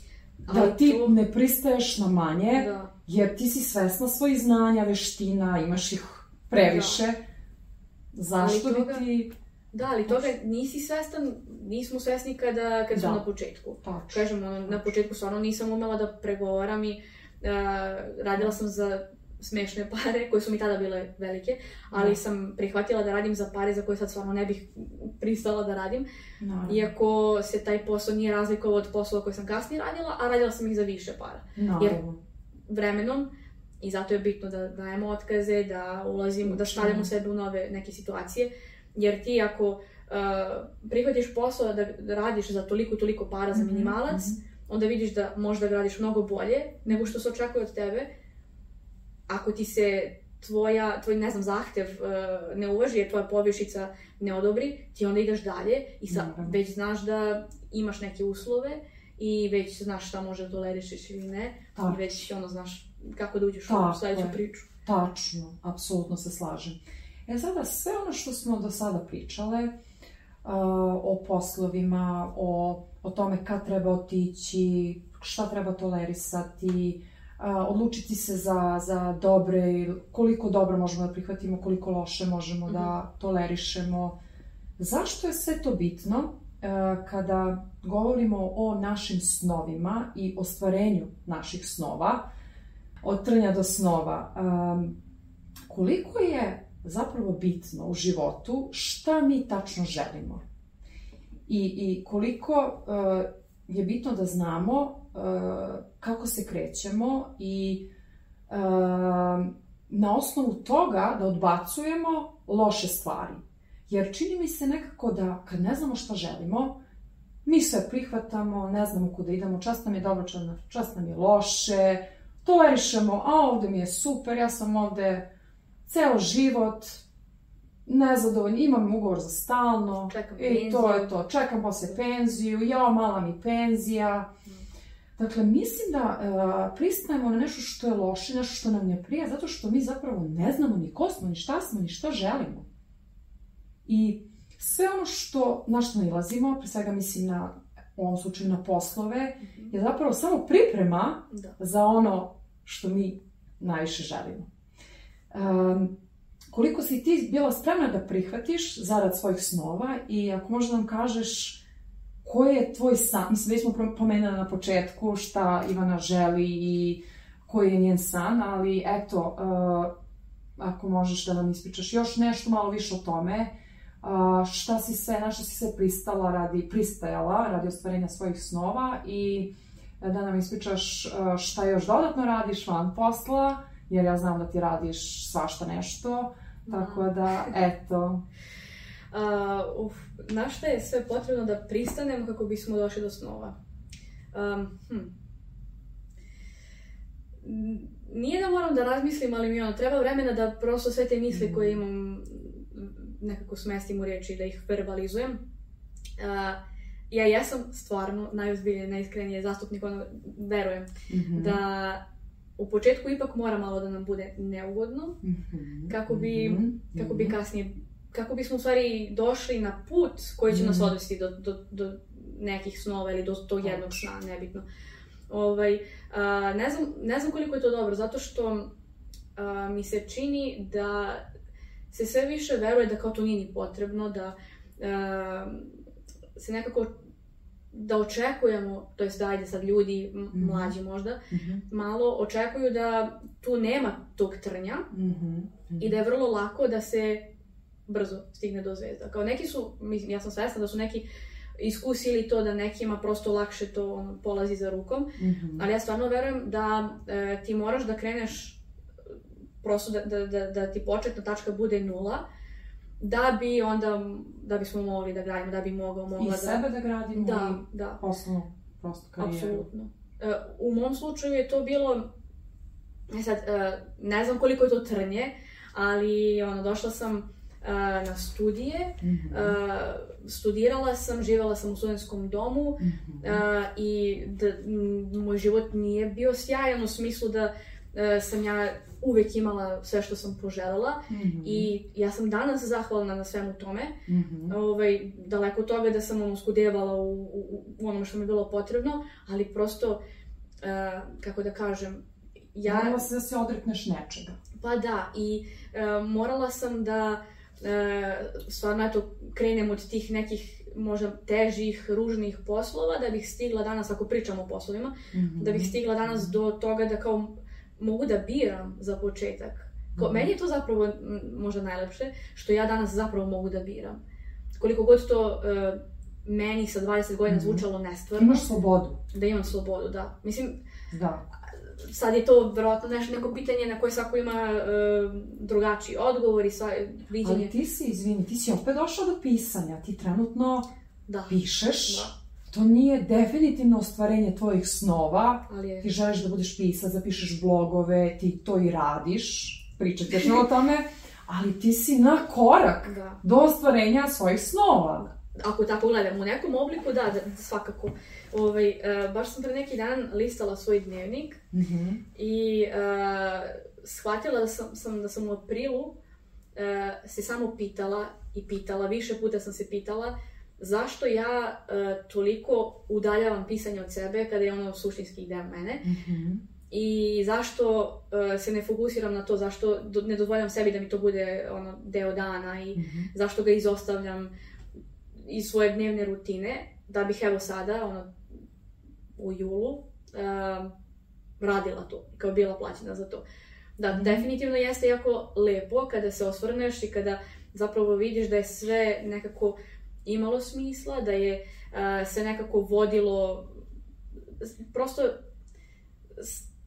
nekako stvaraš, uh, stvaraš taj put i stvaraš Mhm, stazu, mhm. krčiš, jel? uh, To ti pomaže da rasteš, da se razvijaš Da. i da dođeš do onoga što ti zapravo želiš da radiš i shvataš da, si morao kroz sve to da prođeš, oprostiš svima i kažeš wow, Da. meni ovdje... Da, ma, izvini što te, ali sad, pošto nekako sve vreme se vraćam na to trnje, nekako mi to ima, Mhm. uh, ne, ne bih sad voljela da ovo zvuči uh, Mhm. kao priča u kojoj sam ja morala da se mučim da bih došla do neka, samo želim, Izazovi. da, da, više, više su, više To su to izazovi, da. možda si ja nisam dobro izrazila, to su izazovi koji, te, koji ti pomažu da se ti razviješ, Da. pre svega kao osoba. To je meni nekako najbitnije. Kada gledamo, izvini što sad mala digresija, ja nekako ljude gledam a, po tome kakve su osobe, da, su, da, da si ti dobar čovek. Tvoja pozicija mi je stvarno, da kažem, nebitna. Ok, lepo je sve to, da ti postižeš uspehe, da si radiš ono što voliš, da si ispunjena, da si prosto intelektualac, ali ono što kao ljudi najbitnije je prosto ta njihova duša i kakvi su kao, kao ljudi, jer džaba, džaba ti sve i pozicije i a, firme i novac, ako ti nisi prvo zadovoljan sobom i ako ti nisi na pravom putu što se tiče vrednosti kao osoba, sve ostalo je manje bitno. Zato kažem, to, to trnjete nekako, a, ti izazovi koji ti se javljaju, ti samo pomažu da se ti razviješ i da budeš najbolja verzija sebe tada Da. kad ti se pojavi mogućnost da prosto kada ostvariš svoje snove. Ti si ostvaren kao osoba iznutra, a samim tim i radiš ono što voliš. Tako ja vidim. Dobro, da, sad mnogo je lepše kada se to posmatra ono van posla i van Da. van poslovnog udruženja kada pričamo ono o, o životu, o tom putu od trnja do zvezda u životu, da, to definitivno jeste, neću da kažem, zapravo je lepše pričati o tome, nego o tom putu u poslovnom smislu. Mhm. Um, m, definitivno, aj sad ja mogu da, mogu da kažem kako je meni bilo uh, tokom studija, kolika, kako sam ja osoba bila kada sam došla uh, u grad koji mi je bio apsolutno nepoznat, uh, kako sam se tu kretala kroz Mhm. uh, različite krugove, kako sam napredovala, kako sam uh, stizala eto do tog nekog kraja jednog dijela puta. Uh, definitivno mislim da ako tako gledamo, to može tako lepo da se nazove ono od trnja do zvezda. Da. I mnogo mi je lepo uh, kada posmatram, a to mislim vjerojatno imamo, zapravo vjerojatno svi možemo tako da posmatramo taj neki svoj razvoj, um, kao put od trnja do Da. zvezda. Ono, do- ka- Da. kak- kakav si ušao u tu priču, Da. kak, kakav si Da. počeo, ka- kakav si bio kada si postao svestan da želiš da se razviješ, Mhm. šta je ono kroz što si prošao uh, da bi Mhm. došao do ovde i kao, kako, kako si osoba Da. sada. Apsolutno, da, složila bi se, da. U tom smislu, uh, A jesi, reci mi Ivana, jesi od uvek znala da želiš da budeš pisac? Ili ti se to javilo kasnije? Uh, Rekla si mi, znam, sad se toga, rekla si mi da ne želiš da radiš master na filološkom, da. da ti to nije prosto interesantno, ovaj, ali nisam, nisi mi nikad rekla u kom trenutku si ti zapravo shvatila da ti želiš da budeš pisac. Pa ni, ni u jednom trenutku nisam shvatila to, ja ne znam, evo, ne znam ni kad sam posljednji put pričala ovu priču, ali je, ja sam počela da pišem pesme sa 9 godina Aha. i ja od 9. godine samo znam da je pisanje meni tu jako Mhm. važno u životu. I sad, e, ok, e, kroz osnovnu školu je to bilo naravno uz pomoć e, učiteljice, kasnije nastavnice, ali je pisanje Mhm. nekako prosto prirodno bilo tu. Kao meni to bilo Mhm, prirodno, ja sam mhm. prirodno pisala. I e, tada sam maštala naravno o zbirkama, poezije, o knjigama, ne znam ja o čemu sve. Ali sam kasnije naravno shvatila da zapravo želim da pišem na neki drugačiji način, da ja stvarno želim da e, to pisanje nekako upletem u svoj život, ne želim da budem pisac i samo pisac, nego Da. da, ono, pišem na dnevnom nivou. Dobro, razvijaš i svoju priču, Instagram, a, priču o Da, o kafi. kafi. I Joj, to, to je je sad- isto povezano sa pisanjem. I da, i htela sam da kažem da ti radiš i recenzije za knjige, ako možeš malo više da nam kažeš o tome. To je isto jako interesantno. Da nam ispričaš malo o, o pisanju i o tim recenzijama knjiga koje si radila i znam da si radila za neko udruženje isto. Da, dobro, zapravo pi, nekako sve to postaje vremenom ovaj, sve, sve lepše. Pisanje u sve, lepšem, u sve lepšim oblicima ovaj, e, dolazi kroz razne neke prilike. Ali da, e, u- e, volontiram e, kao pisac e, sadržaja za blog u udruženju radnika na internetu.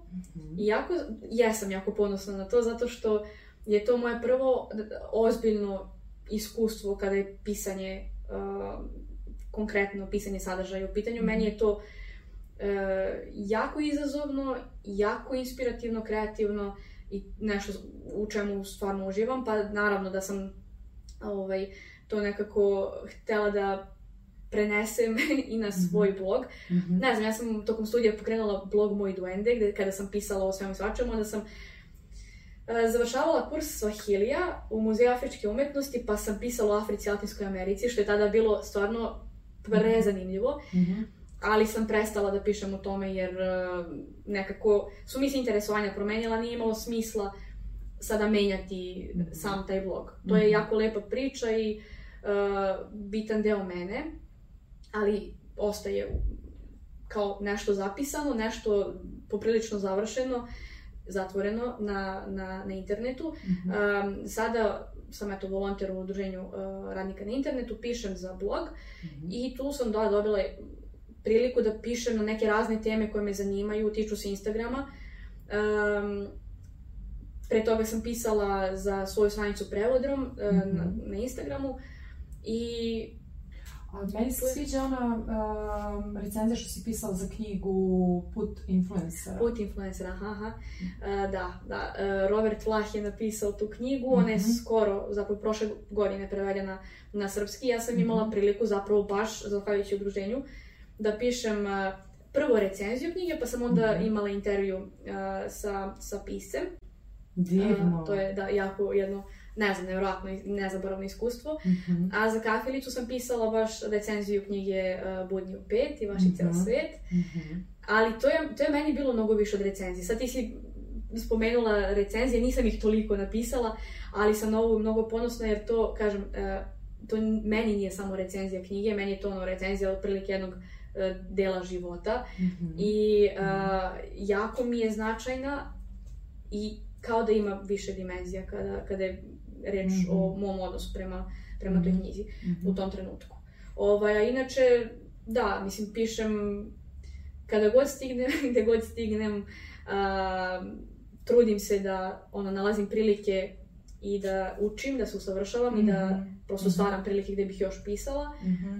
Nepravedno zapostavljam to često Mhm. i na tome e, nisam uopšte zahvalna sebi, ali e, Vratiš se uvijek svoj- iznova. Da, po svojoj prilici se ono vratim. To je, to je normalno da mi često, mislim, ispadnemo iz, iz te neke discipline i da jednostavno treba nam malo vremena da Da. se od toga nekako odmorimo, da radimo druge stvari, pa da se vratimo opet. Tako da to je sasvim normalno i meni se to isto dešava i prosto nema potrebe da se osjećaš loše zbog toga, pogotovo zato što ti već radiš, što ti zapravo pišeš, ti na neki način trenutno možda nisi svesna, ali ti živiš svoj san. Da, to, o tome sam razmišljala jako je lepo kada, kada shvatiš, jer ne znam sad koliko često ono sanemo Mhm. i e, kažemo sebi, e ti sada, e, sada si tu i tu, Mhm. to je tako i tako povezano sa tvojim nekim pređašnjim ciljevima, e, kao budi zahvalan, zahvalna sebi na tome, jer Tako. meni je potrebno da stanem s vremena na vrijeme, Mhm. da eto baš kažem sebi, pa čekaj, ti si pre tri meseca maštala o ovome, Mhm. mislila si da neće biti moguće, Mhm. a sada tako olako shvataš to kao nešto što je potpuno normalno, kao nešto što tako tek došlo, pa nije došlo, mislim. Da, i samo da kažem, u posljednje vreme Ivana je išla nekoliko razgovora i svuda je dobila posao, Dobro, Jer-. Ona je, stvarno ima puno veština, znanja, jer sluša dosta, jako dosta upu- upućena i ja svaki put kad odem da se vidim sa njom, ja čujem neke nove stvari, neke savete, podršku, stvarno neverovatno. Ove, tako da, eto, mislim da sve to zapravo utiče na, na tvoje trenutno, da kažem, stanje u kom se nalaziš, što e, posao, što ovako tvoja energija, da tako kažem. Sedim sad preko puta tebe i ne mogu prosto da verujem. Kad izgovaram ovo, kažem ti kao živiš svoj san, a do skoro smo sedele u kancelariji, onoj tamo mračnoj, pričale smo o tome i, i tada je i meni ovaj podcast Ovo isto da. da. ovaj, delovao daleko, ali sad nekako i ti i ja ostvarujemo, živimo svoje snove. Da. Kako god to zvučalo, zvučalo malo čudno i neverovatno, ali da, to je to. It's happening. Da, i to ti pokazuje kao koliko si ti jaka i spremna, da, ali ja sam Da. i tada znala da ćeš ti uh, vrlo brzo krenuti, da to nije daleko. ja Mislim, sam nije... dupli ja. Da, zacrtala se. Da, ovaj, e, pa jeste, nekako ja što zacrtam, to prosto mora da se desi, ali ono sad što si malo pre rekla za, za učitelje što su te usmeravali, ja moram isto da kažem da u osnovnoj školi me je tako nasnica srpskog prepoznala u meni talent, talenat da, da ja prosto mogu da vodim program. E sada, ja sam tada bila mnogo stidljiva i mnogo sva nekako uplašena, ali nisam nekako razmišljala i kao dobro, može. Nekako Normalna sećam se, sećam se tog osjećaja kao, wow, ja ću biti voditelj, kad ću biti sređena, nosit ću neku suknicu, košuljicu, vodit ću program. Za mene je to bilo nevjerovatno, pritom su i moje sestre učestvovale i, ovaj, i bukvalno došli su, dolazili su i roditelji i deca. I ja sam bila spremna da, učila sam da recitujem to što je trebalo i da najavim. Međutim, ja sam se sva tresla. Meni su se ruke ovako tresle. I, ali eto, prošlo je i nekako ljudi su se čudili, ali niko nije, niko mi to nije nešto mnogo zamerio, koliko sam ja opet odradila to što je trebalo da odradim. I, i, I čak mi je moja pokojna baka isto govorila, kao vidi me na TV-u, jer hoću da kažem, nisam imala tu podršku veliku od, od mnogo ljudi. Nisu to, nije to mogu svako, svako meni da prepozna, nisu ni moji roditelji prepoznali, ali eto, ti neki ljudi koji su videli to u meni i kad god bi se razočarala, bih rekla sebi opet, ali ti neki ljudi su videli potencijal u tebi i ti to možeš. I jako je važno bilo da oni to tebi kažu tada Da. u tom uzrastu. Da, da prepoznaju u meni taj talent Mhm. zapravo. Jer oni su prepoznali. Ja nisam rekla učiteljici, nastavnici srpskog, e, ja to mogu. Nego je ona Da. to tražila od mene. Da. I, I koliko su zapravo ti ljudi dragoceni ovaj, koji vide u tebi nešto i mislim da a, mislim da stvarno a, se treba boriti i da ne treba, mislim da treba pratiti intuiciju Mhm. i ovaj, kad god mislimo da to nešto nije moguće, moguće je. Ako ti pomisliš na to, to znači da je stvarno moguće. Da, da. Tako da, e, eto, baš mi je to nekako, bilo mi je lepo da se prisetim te situacije i da samo kažem da nekako se ti potencijali prepoznaju još u detinstvu. I da, zato, da, zato kažem da, da ono, e, treba da nam se kaže, treba da Tako budu tu ljudi koji su stariji kao podrška, Da, jer da, ja nisam znala šta znači pisanje pesama. Meni je to bilo da. najnormalnija stvar, niko me nije terao da pišem, ali Mm. prosto kada sam napisala prvu pesmu, ona je bila prihvaćena, pa sam onda nekako prirodno krenula da um, šaljem te pesme, to je moja učiteljica, kasnije nastavnica, su slale pesme na konkurse, mm -hmm.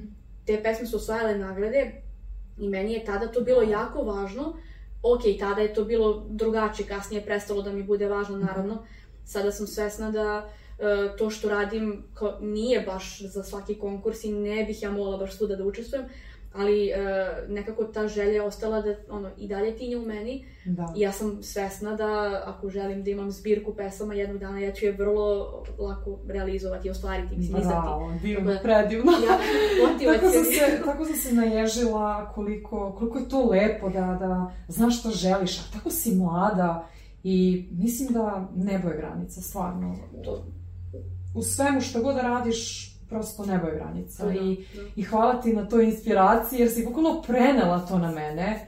Nekako, ne znam, oduševim se kad, kad, kad, kad ljudi imaju svoje snove i ne odustaju od tih snova.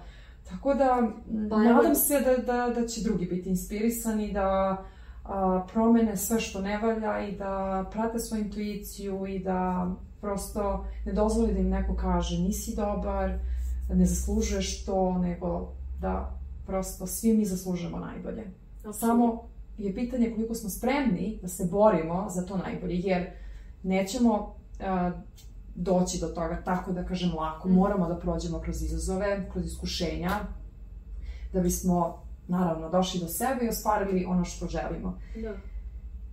Um, kad si rekla uh, fakultet i kad si došla da studiraš, koliko zapravo je nama koji dođemo iz manjih sredina, evo ja sam rođena na Kosovu i došla sam u Smederevo, pa eto trenutno sam u Beogradu, da kažem isto dolazim iz još mnogo manje sredine, iz tog konzervativnog patriarchalnog društva, na koje poteškoće mi nailazimo? Na razne, na razne. Ja sam došla iz Kostovca, tako da ono, blizu smo bile neko vreme e, i dok se nismo poznavale. Mm. Ovaj, došla sam ovde e, sa 19 godina, kada sam završila osnovnu školu, mm -hmm. srednju školu. E, upisala sam filološki e, i živela sam u domu Patris Lumumba mm -hmm. a, na Zvezdari. A, I sam taj prelaz, ono samo preseljenje je meni bio šok. Sada, naravno, kada se prisetim, to je, deluje jako malo, deluje nevažno, sada mi nije problem da se selim iz grada u grad, iz kraja u kraj, šta više uživam stvarno u tome, mm -hmm. ali mi je tada, sećam se da sam u jednom trenutku otišla kući, pošto sam jednom mesečno uh, i tada išla ovaj, uh, u Kostolac.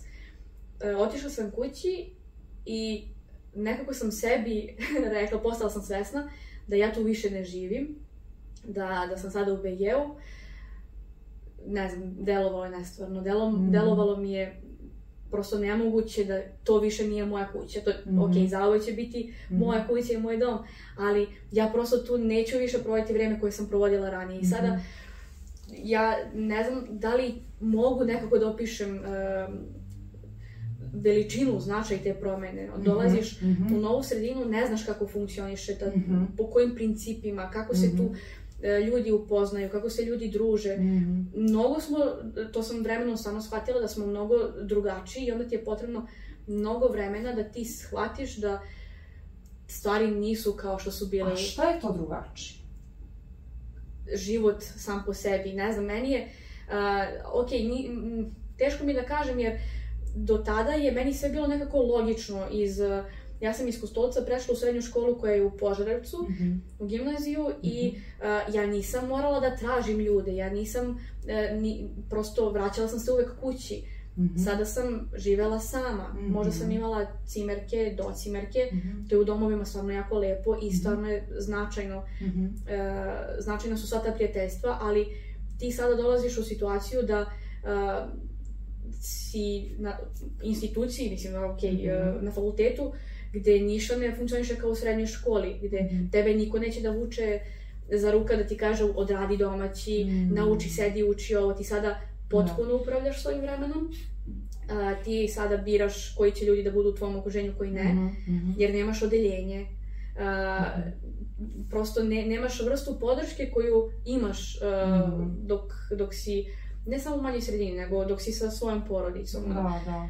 A uh, u manjoj sredini to ono, znamo, prosto sve funkcioniše stvarno drugačije, ne znam. Da. Uh, svi se znaju, svi se znaju, manji grad, da, da, da. tu su ti roditelji, prijatelji, a kad dođeš u, u Beograd, veliki grad, da studiraš, da radiš, onda to skroz bude drugačije. E sada naravno imaš i drugare iz tvog grada tu koji studiraju isto, ali opet nije, nije to isto, pogotovo kada kreneš da radiš.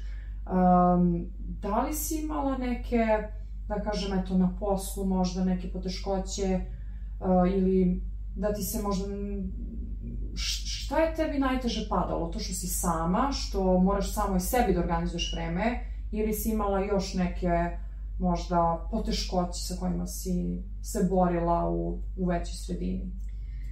Pa, um, ne, čak nisam ni sigurna da mogu da kažem da sam se borila, jer mm -hmm. to bi onda možda delovalo kao da uh, sam ja bila svesna da sam prolazila kroz mm -hmm. sve to, mhm. a nisam bila. Mm -hmm. Uh, ne, meni je jako veliki izazov bio da upoznajem ljude, iskreno, mm -hmm. da se povezujem sa ljudima, Aha, jer ovdje to mnogo drugačije izgleda. Mm -hmm. Ti, uh, zapravo ja ne znam kada sam u, u, u kod svoje kuće mm -hmm. postala svesna okoline, uh, nekako od malena, imaš ljude, svi ti ljudi isti su uvek tu oko tebe i to da, je to. Da. A ovde upoznaš ljude sa raznih strana, to je bila mm -hmm. jako lepa, zapravo i dalje, mislim uvek je lepa stvar ovde u Beogradu. Mm -hmm. Činjenica da ti na svakom koraku možeš da upoznaš nekoga iz neke druge zemlje, iz nekog mm -hmm. drugog grada, šta god. Ali ja nisam bila, bila sam jako pasivna ranije, mislim da je donekle to odlika, s, ne svih, aj ne znam da kažem svih nas, ali mm -hmm. često dođe, kada dođemo u, u neko veliko mesto, uh, zapravo mi iz manjih sredina možemo da se povežemo na, na tom nekom nivou. Mm -hmm. Ja nisam imala potrebu da uh, pronalazim neka nova mesta, jer nisam mm -hmm. nisam... Nije ti to zanimalo prosto? Nije mi to bilo nekako ne, neću da kažem prirodno, ali da, nije me, aj, nije me zanimalo. Imala si cilj da učiš, da završiš fakultet? Pa da, ni, nisam prosto razmišljala. Mm -hmm. Nisam gledala van, ovaj, van, van kutije, nego prosto e, išla sam tim jednim putem i to je to. Makar mm -hmm. sam ja mhm. to prenela iz kostolca, pokušala sam da preslikam taj obrazac. E, I onda mi je zapravo jako bilo interesantno kada sam e, shvatila da ti ovde moraš da se oslobađaš, da prosto moraš da interaguješ sa ljudima, mm -hmm, mm -hmm. jer uh, nije moguće da budeš sam u tom mm trenutku. Uh, da, neću da kažem opstaneš, ali da, mislim ono što da ne, da opstaneš. Ono, ja sam kao morala i u studentskom domu jednom, pa posle u drugom, da uh, živim sa nekim novim ljudima koje do, do, do, do tada nisam imala. Nikada ranije nisam morala da se navikavam na neku novu osobu koja mi nije član porodice, uh, koja mi nije poznata i da sad ja sa nekim potpuno nepoznatim živim. Kao, mm -hmm. To je jako veliki izazov. Mm -hmm. uh, pa mi je da. vrlo izazovno bilo da studiram, vrlo, vrlo mi je bilo izazovno da ja sad uh, život nekako uh, neću, organizujem oko semestara i rokova i tako u krug. Uh, to mi je, da, bilo jako čudno. Mm -hmm. uh, I jako mi je bilo čudno to što mi je sve bilo dostupno. Ono, ja sam mm -hmm. mogla da odem to, u početku me je fasciniralo, ovaj, što sam mogla da idem sa jednog kraja grada na drugi kraj grada. Mm -hmm. ranije znam da sam i taj prevoz morala da organizujem, ne znam, kada se krećeš iz jednog mesta u drugo mesto, to je potrebno ti je vreme, pa da ti vidiš kako ćeš, pa šta ćeš, a sada kao odjednom sam mogla da sednem na autobus i da odem ovaj, da putujem na sat vremena, da i dalje budem u istom gradu, mm -hmm. da mi mhm. ta, to kretanje bude olakšano i da ja sad, ne znam, uh, se nalazim sa nekim drugim ljudima, da vidim neke potpuno meni nepoznate stvari mm -hmm. u, u tom trenutku i tako wow. dalje. Mislim, stvarno je ono bilo svega, ne znam, znaš i ti, ono, možeš da se prisetiš i ti da, tih... Da, definitivno. Meni je izazovno prvo bilo kad sam došla s Kosova u Smederevo, uh, pa onda sam, eto, igrom slučaja prvo došla u Beograd, tu sam studirala, uh, neko vreme sam živala, neko vreme sam putovala, onda sam i počela da radim u Beogradu, ali sam onda otišla dalje, napustila Srbiju. Tako da definitivno sam nalazila na razne poteškoće, a, mislim i na dobre mm -hmm. stvari, ali i na poteškoće. A, I počela sam da, tek sad sam postala svesnija, počela sam da, da, da razumem a, da koliko ta osuda koju dobiješ a, utiče dalje na tvoje odrastanje, na tvoje a, kontakte dalje, koje, odnose koje stvaraš sa ljudima.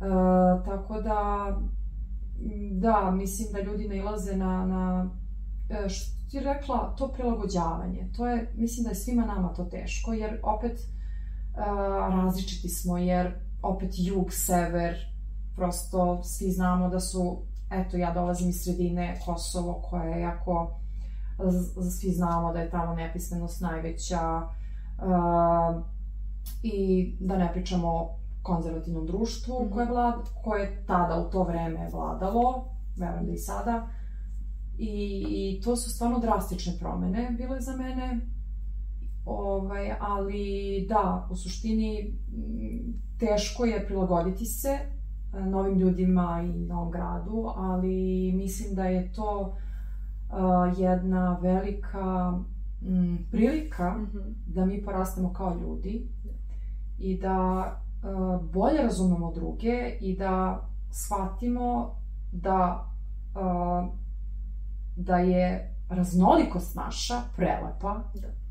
i da ne treba druge da osuđujemo zato što nemaju isti akcenat, dijalekat, zato što nismo svi najpametniji, najškolovaniji, najbogatiji i da je prosto to jedna lepota sa kojom I mislim da slabiji, odnosno jači, treba da pomažu slabijima. Ako je neko došao iz drugog grada, a, treba mu pružiti pomoć, treba ga pitati da ti treba nešto, treba razumeti odakle dolazi i, i zašto nije toliko školovan kao, kao ti. Da.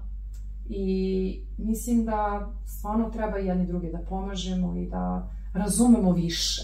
Da, ali e, sad ja bih samo dodala da stvarno mislim da smo žilavi kada dođemo ono uh, i kada, kada se, dok se nadikavamo na sve te novine, Uh, mi to ne vidimo tako, makar ja to tako nisam videla, mislim da... da nismo svesni u početku. Da, nismo svesni koliko je to velika promena. Da, Da. Ovaj, a sad, sad e, razmišljam još, pa kada, kada pričam o tome kao šta je ono što je drugačije, e, e, spomenula bih i to da mnogo više prilika imamo u većim sredinama. Mm -hmm. Da e, je to jako dragoceno i samo treba da koristimo ono sve. Ne znam, e, setila sam se kako sam e, išla na language cafe recimo, kao imala sam priliku da vežbam jezik, učila sam španski, portugalski, imala sam priliku da odem da vežbam to ne bih imala da sam ostala u svom gradu. Tako je, veća sredina ti pruža više da. mogućnosti da se razvijaš, da učiš, da, da posećaš da. muzeje, upravo to. bioskope, da upoznaš stvarno, da kažem, kvalitetne ljude, ljudi koji imaju čak možda više i,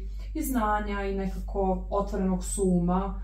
Tako da složila bi se sa tobom da ti veća sredina definitivno pruža, pruža više, više. Mislim da sve ima svoje prednosti i mane, da. naravno ali apsolutno i na izazove koje nalaziš, oni su tu samo da bi te ojačali i da bi, eto, postali, da bismo postali bolja verzija sebe. Postajemo bogatiji, definitivno. Meni je to, e, zapravo dalje, stvarno verujem da, da, da je bogatstvo imati oba ta identiteta. Neću da, ne bih rekla identiteta, ali ne znam koju reč da iskoristim, jer ja... E, imam taj svoj akcenat koji koristim kada sam uh, sa društvom, kada sam kod kuće, imam uh, taj akcent koji sam usvojila uh, i mislim da je bogatstvo Tako, imati priliku bogatstvo. koristiti ovo, da. da. Zatim, uh, poznavati mentalitet manje sredine i istovremeno biti prilagođen onoj većoj uh, i biti, zapravo izvući najbolje iz svega toga, ne znam, da. kad spomeneš uh, konzervativne, mm -hmm. konzervativna društva i sredine, apsolutno, mislim, to ne, ne treba uopšte da diskutujemo o tome, da, da raspravljamo da li postoji, postoji to konzervativne uh, jesu, uh, mm -hmm. jesu ti manji gradovi. Mm -hmm. ovaj, jako je lepo kada ti shvatiš da kada prođeš i kroz jedno i kroz drugo. Mm -hmm. Ja sam jako srećna što sam uh, imala priliku da živim uh, u Kostolcu i jako mm -hmm. sam mhm. srećna što ja sad, rođena sam u Majdanpeku, ja sada kada se nekome predstavim, ja sve to nabrojim i e, kažem da dolazim odavde, rođena sam ovde, živim ovde, planiram da živim ovde, živela sam malo u Španiji i kao sve to postoji u meni, a ne bi postojalo da, da prosto nisam imala priliku da vidim da, aha, ok, e, imam još jednu priliku, pa hajde da vidim da li imam još jednu, pa još pet, pa još deset. Da, jeste, složila bi se da je to jedno bogatstvo, eto ja sam rođena na Kosovu, u Smederevo sam došla 99. I onda sam u Beograd došla malo da živim, pa sam otišla u Katar, pa sam se iz Katara otela u, u Smederevo, iz Smedereva sam otišla u Dubaj, iz wow. sam u Beograd, a, iz Beograda sam vratila u Smederevo i sam opet došla u Beograd. U suštini, to je jedno ogromno bogatstvo i često me hvata nostalgija, što mislim o Kosovu, što o Dubaju i nekad kažem sebi, pa zašto, zašto sam morala da prođem kroz sve ovo, meni to fali, da li ću ikada biti samo uh, usmerena na, na, ako sam od u, mhm. Beogradu, mm -hmm. samo na to, da me ne hvada takva neka nostalgija, ali opet kažem sebi, to je jedno prelepo iskustvo i bogatstvo i prosto uh, te, da, raznolikosti stvaraju bogatstvo i da apsolutno je glupo osuđivati i treba stvarno uživati u tim različitostima i truditi se da ako je neko slabija karika, da ga vučemo na gore, da mu pomažemo i eto kažem opet pogotovo ljudi koji dođu iz te manje sredine, a ne da ga sputavamo, da ga osuđujemo, smejemo se, podsmevamo se, tako da mislim da definitivno je cilj da svi rastimo, da se razvijamo, bilo smo manje ili veće da, sredine. Da. Mislim da je to sada ovaj, i omogućeno više zapravo. Uh, zapravo da su mlađe generacije svesnije toga nego što su mm -hmm. naše bile ili što naše jesu mm -hmm. uh, i da je sve zapravo uh, prisutnija svest, da su ljudi sve svesniji. I evo Ivana ja smo stigle do kraja, mada nije ni ovo kraj, ona i ja možemo da pričamo satima dugo na, od jednog pitanja da napravimo filozofiju i da pričamo ceo dan, ali evo, hvala ti Ivana puno na tvojim odgovorima, jer definitivno si uticala na mene i mislim da posle ovog susreta ću imati neki novi uvid u, u, u život, u posao, o sebi, o drugima i mislim da je to krajnji cilj ovog podcasta. Uh, I eto, za kraj da kažemo koliko, koliko smo zapravo zahvalne na, na svemu što se desilo, na ljude koje smo upoznale tokom ovaj, tih svojih uh, lutanja poslovnih. I uh, eto, koliko smo zahvalne što imamo jedna drugu i što možemo da inspirišemo jedna drugu, jer svaki put kada se vidimo, mi imamo nove ideje, i svaki put sve više i više inspirišemo jedna drugu, što je i poenta. Tako da sam ja puno zahvalna uh, na ovakvim ljudima koji mogu da, da mi daju nove ideje, da me inspirišu i da definitivno budem još bolja osoba i skromnija, ako, to mo ako je to moguće. I da ja isto prosto mogu nekog da inspirišem Tako da, uh, eto, da kažemo koliko su sve te situacije koje su nam se desile, desile sa razlogom i da smo mi, uprko svemu, uložile sebe i energiju da idemo dalje i da sebi omogućimo bolji život. Pa, uh, hvala na, na divnim rečima. O, ja uh, sam definitivno isto zahvalna na ljudima. Mislim, kada kažem na ljudima, jasno ti je da mislim ovaj, na, na tebe i na sve ljude o kojima tebi pričam i a, na sve... Prosto, da. To je blago koje prosto, A, da. koje, sa, to su ljudi sa kojima rasteš, razvijaš se non stop, non stop i nekako ideš ti gore, idu i oni gore. Da, tu, da. Su, tu, su, tu su ti blizu. Da, a ja sam... Uh, ne znam, ranije nisam bila svesna toga koliko mm -hmm. sam zahvalna na ljudima, nisam dovoljno cenjala, prisustvo dragih, uh, dragih osoba. Mm -hmm. ovaj, I baš sam uh, u posljednje vreme počela to da pričam uh, drugaricama, mm -hmm. uh, ljudima sa kojima se viđam, sa kojima provodim vreme. I tebi, mislim, sam ti više puta rekla ovaj to. Ali uh, ja, ja sam jednostavno zahvalna ljudima, -hmm. ne zbog nečega što su mm -hmm. uh, uradili, ne zbog -hmm. nečega što su načina na koji su uticali na mene, ne, nego jednostavno sam zahvalna ljudima što postoje. O, zahvalna bravo, sam bravo. tebi što, što eto, možemo da pričamo, što imam priliku da, da prosto delimo misli, razmišljenja, stavove, da provodimo vreme zajedno. Kao ja stvarno mm ne znam da li ima potrebe ono ići dalje od toga, I da. to mi je trenutno naj, najvažnije. Uh, Znaš. Pijemo kafu. Da, i to ne, ne zbog toga što je kafa u pitanju, kao stvarno to nije najbitnija stvar, nego prosto ovo što se dešava tu. Da, uh, ja te nisam videla, m, nismo se videle... M, Pre više od mesec dana. Da. Malo više od mesec Možda i više, da. I nekako, uh, kad sam te pozvala da dođeš u podcast, uh, toliko sam iščekivala to, pre svega zato što te nisam videla dugo, i onda sam razmišljala, pa kako će to biti, nismo se videle dugo, i da onda pričamo u podcastu, kao kako će to izgledati.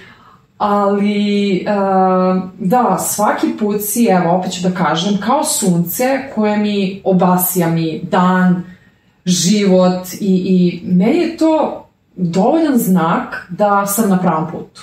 I da budem zadovoljna i zahvalna, jer ja često umem da se razočaram u ljude, po, povređena sam, mrzim Beograd i sve u sebe, ali, ali se uvek vratim. Uvek se vratim toj ljubavi, toj dobroti, jer, eto, prosto dese se ljudi poput tebe koji me razuvere i nastavim dalje.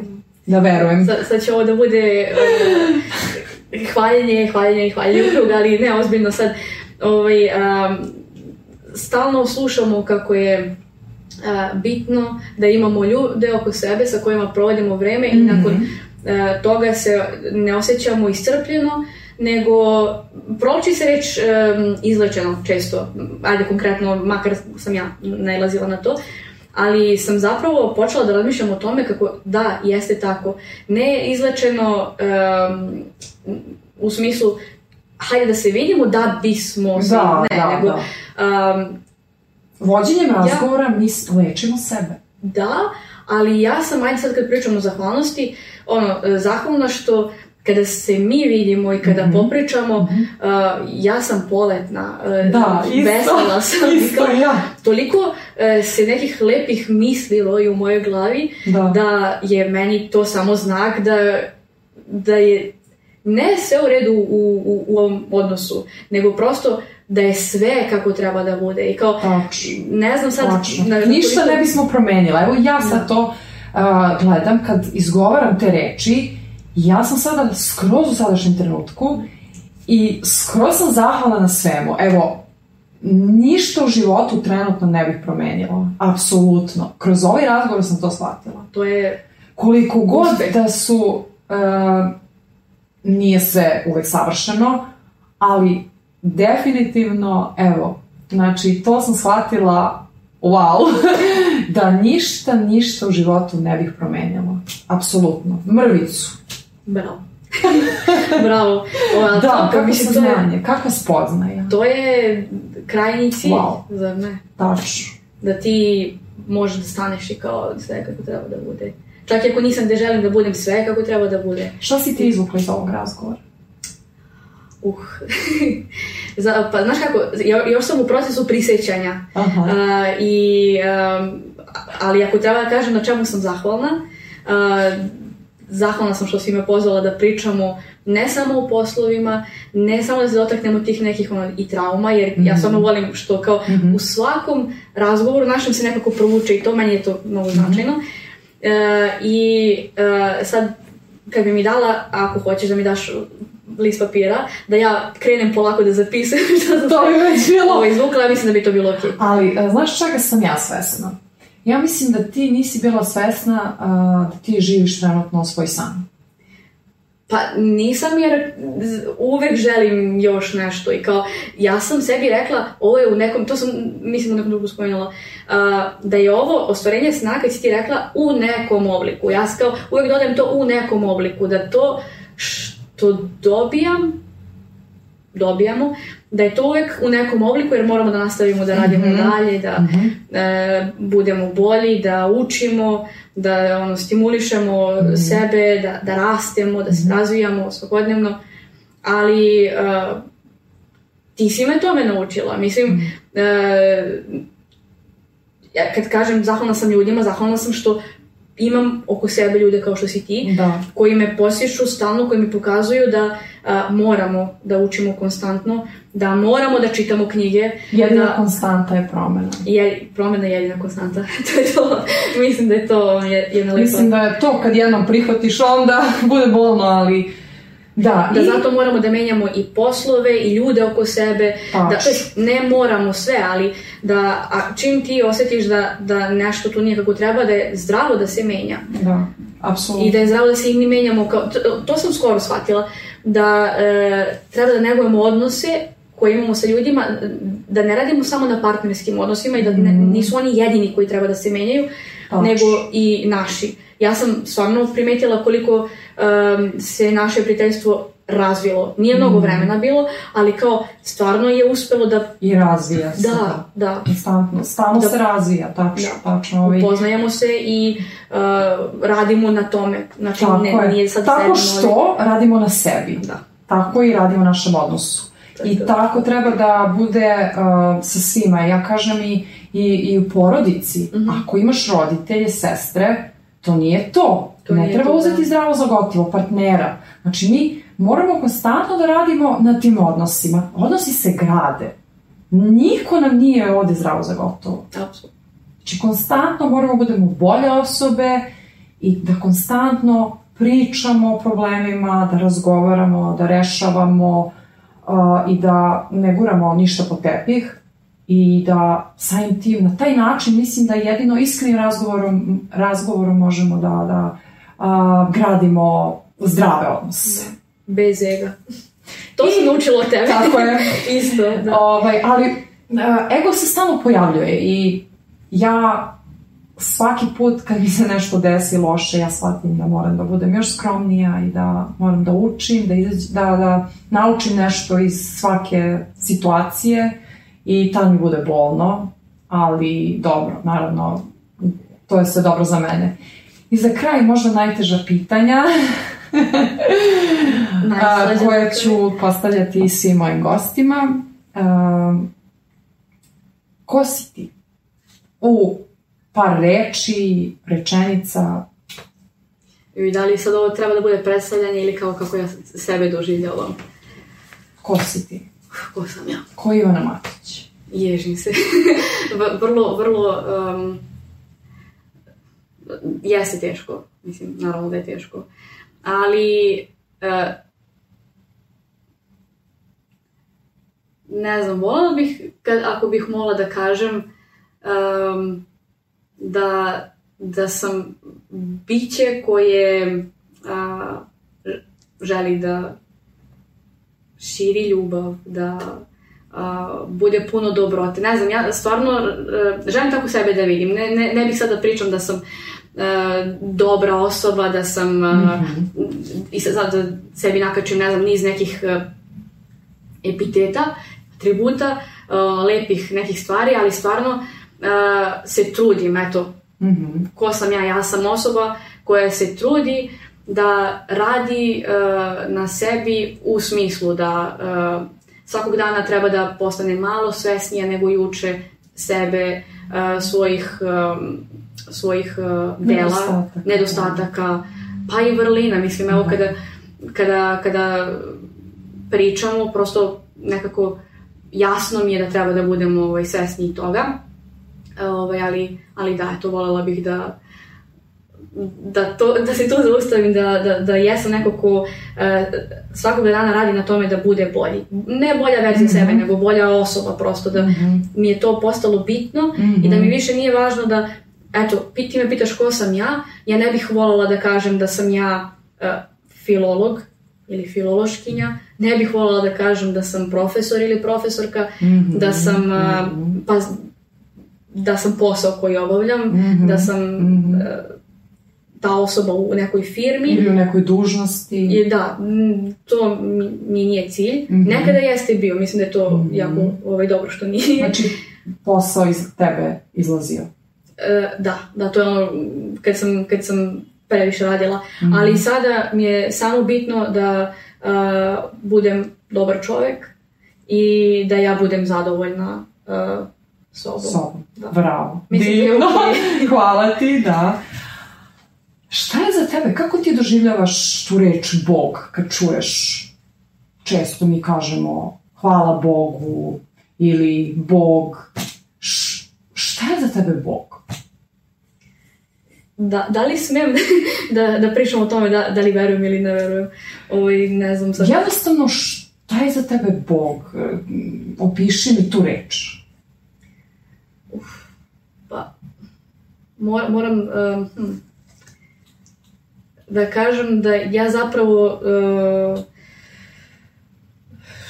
tu vidim neku silu i to je to. Nisam, nije toliko bitno, jasno mi je to, uh, nisam verujuća osoba, ali opet ne mogu da kažem da ne verujem u to nešto, u, um, možemo da to nazovemo silama kosmosa, možemo da kažemo da je to, ne znam, energija, možemo da kažemo da je to, da posmatramo sa naučne strane, uh, ili opet sa te religiozne, Mhm.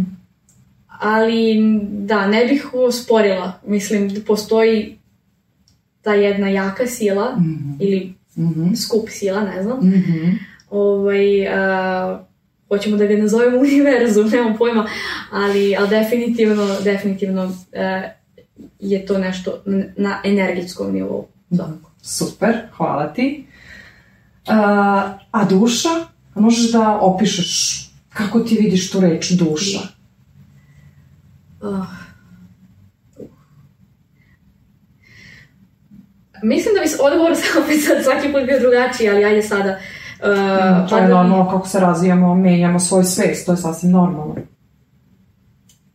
E, možda bi u ovom trenutku za mene duša bila nešto što se prepoznaje na, e, na nivou interakcija među ljudima. Ne znam da li možemo da opisujemo duše bez tog konteksta. Um, tako ih vidim. Ne znam, vrlo je, vrlo je neopisivo zapravo za mene to. Ali nešto jako lepo. Aha, ok, da, znam. super, hvala. Divno. A kad kažemo ljubav, šta za tebe znači ljubav? Pričala si da radiš na sebi, želiš da ljubav i em, šta u tom kontekstu misliš ljubav? Sad. Opet teško. Uh, ali, hm. Pa dobro, za početak mislim da je svuda oko nas, kao okej. Uh, I mislim da je uh, nešto što moramo da imamo, što moramo da osjećamo, uh, svi mi volimo i svi osjećamo, samo ono treba da naučimo da je prepoznajemo, ali definitivno svuda oko nas. Mislim, K- ajde sad da se vratim, pitala si me ko sam, e, doživljam sebe kao osobu koja želi da mnogo voli i onda mogu da se sad nadožem na ovo da prosto verujem da ljubav mora i da jeste svuda oko nas i da je sve od ljubavi. Nekako, ne znam, em, opet mi je jako teško da verbalizujem to, Mhm, mhm. jer nisam puno razmišljala o tome šta je za mene ljubav, ali definitivno, definitivno je neophodna e, za opstanak, Mhm. pokreće nas, ne znam, često šta god je Da, kao što si rekla, ljubav je sve. Ti ja delimo danas, eto, mislim, razgovaramo, pijemo kafu. A, mi, mi smo u ljubavi, mi... Meni je ljubav što si me pozvala, Da, iskreno. meni je ljubav što si ti došla. Eto. Eto, meni je to e, najveći dokaz ljubavi. I eto, prodale smo Ivan i ja zajedno dosta vremena u kancelariji i umele smo da a, jedno drugo, eto, skuvamo kafu, koliko puta Ivana uh, nije kuvala kafu i Koliko da i nisam ni lepo rekla uh, koliko puta mi tako ujutru dođe pre mene pa mi sipa vodu, stavi mi na, na sto ili tako smo za, nekad jele zajedno ili tako ode, kupi mi nešto, donese mi.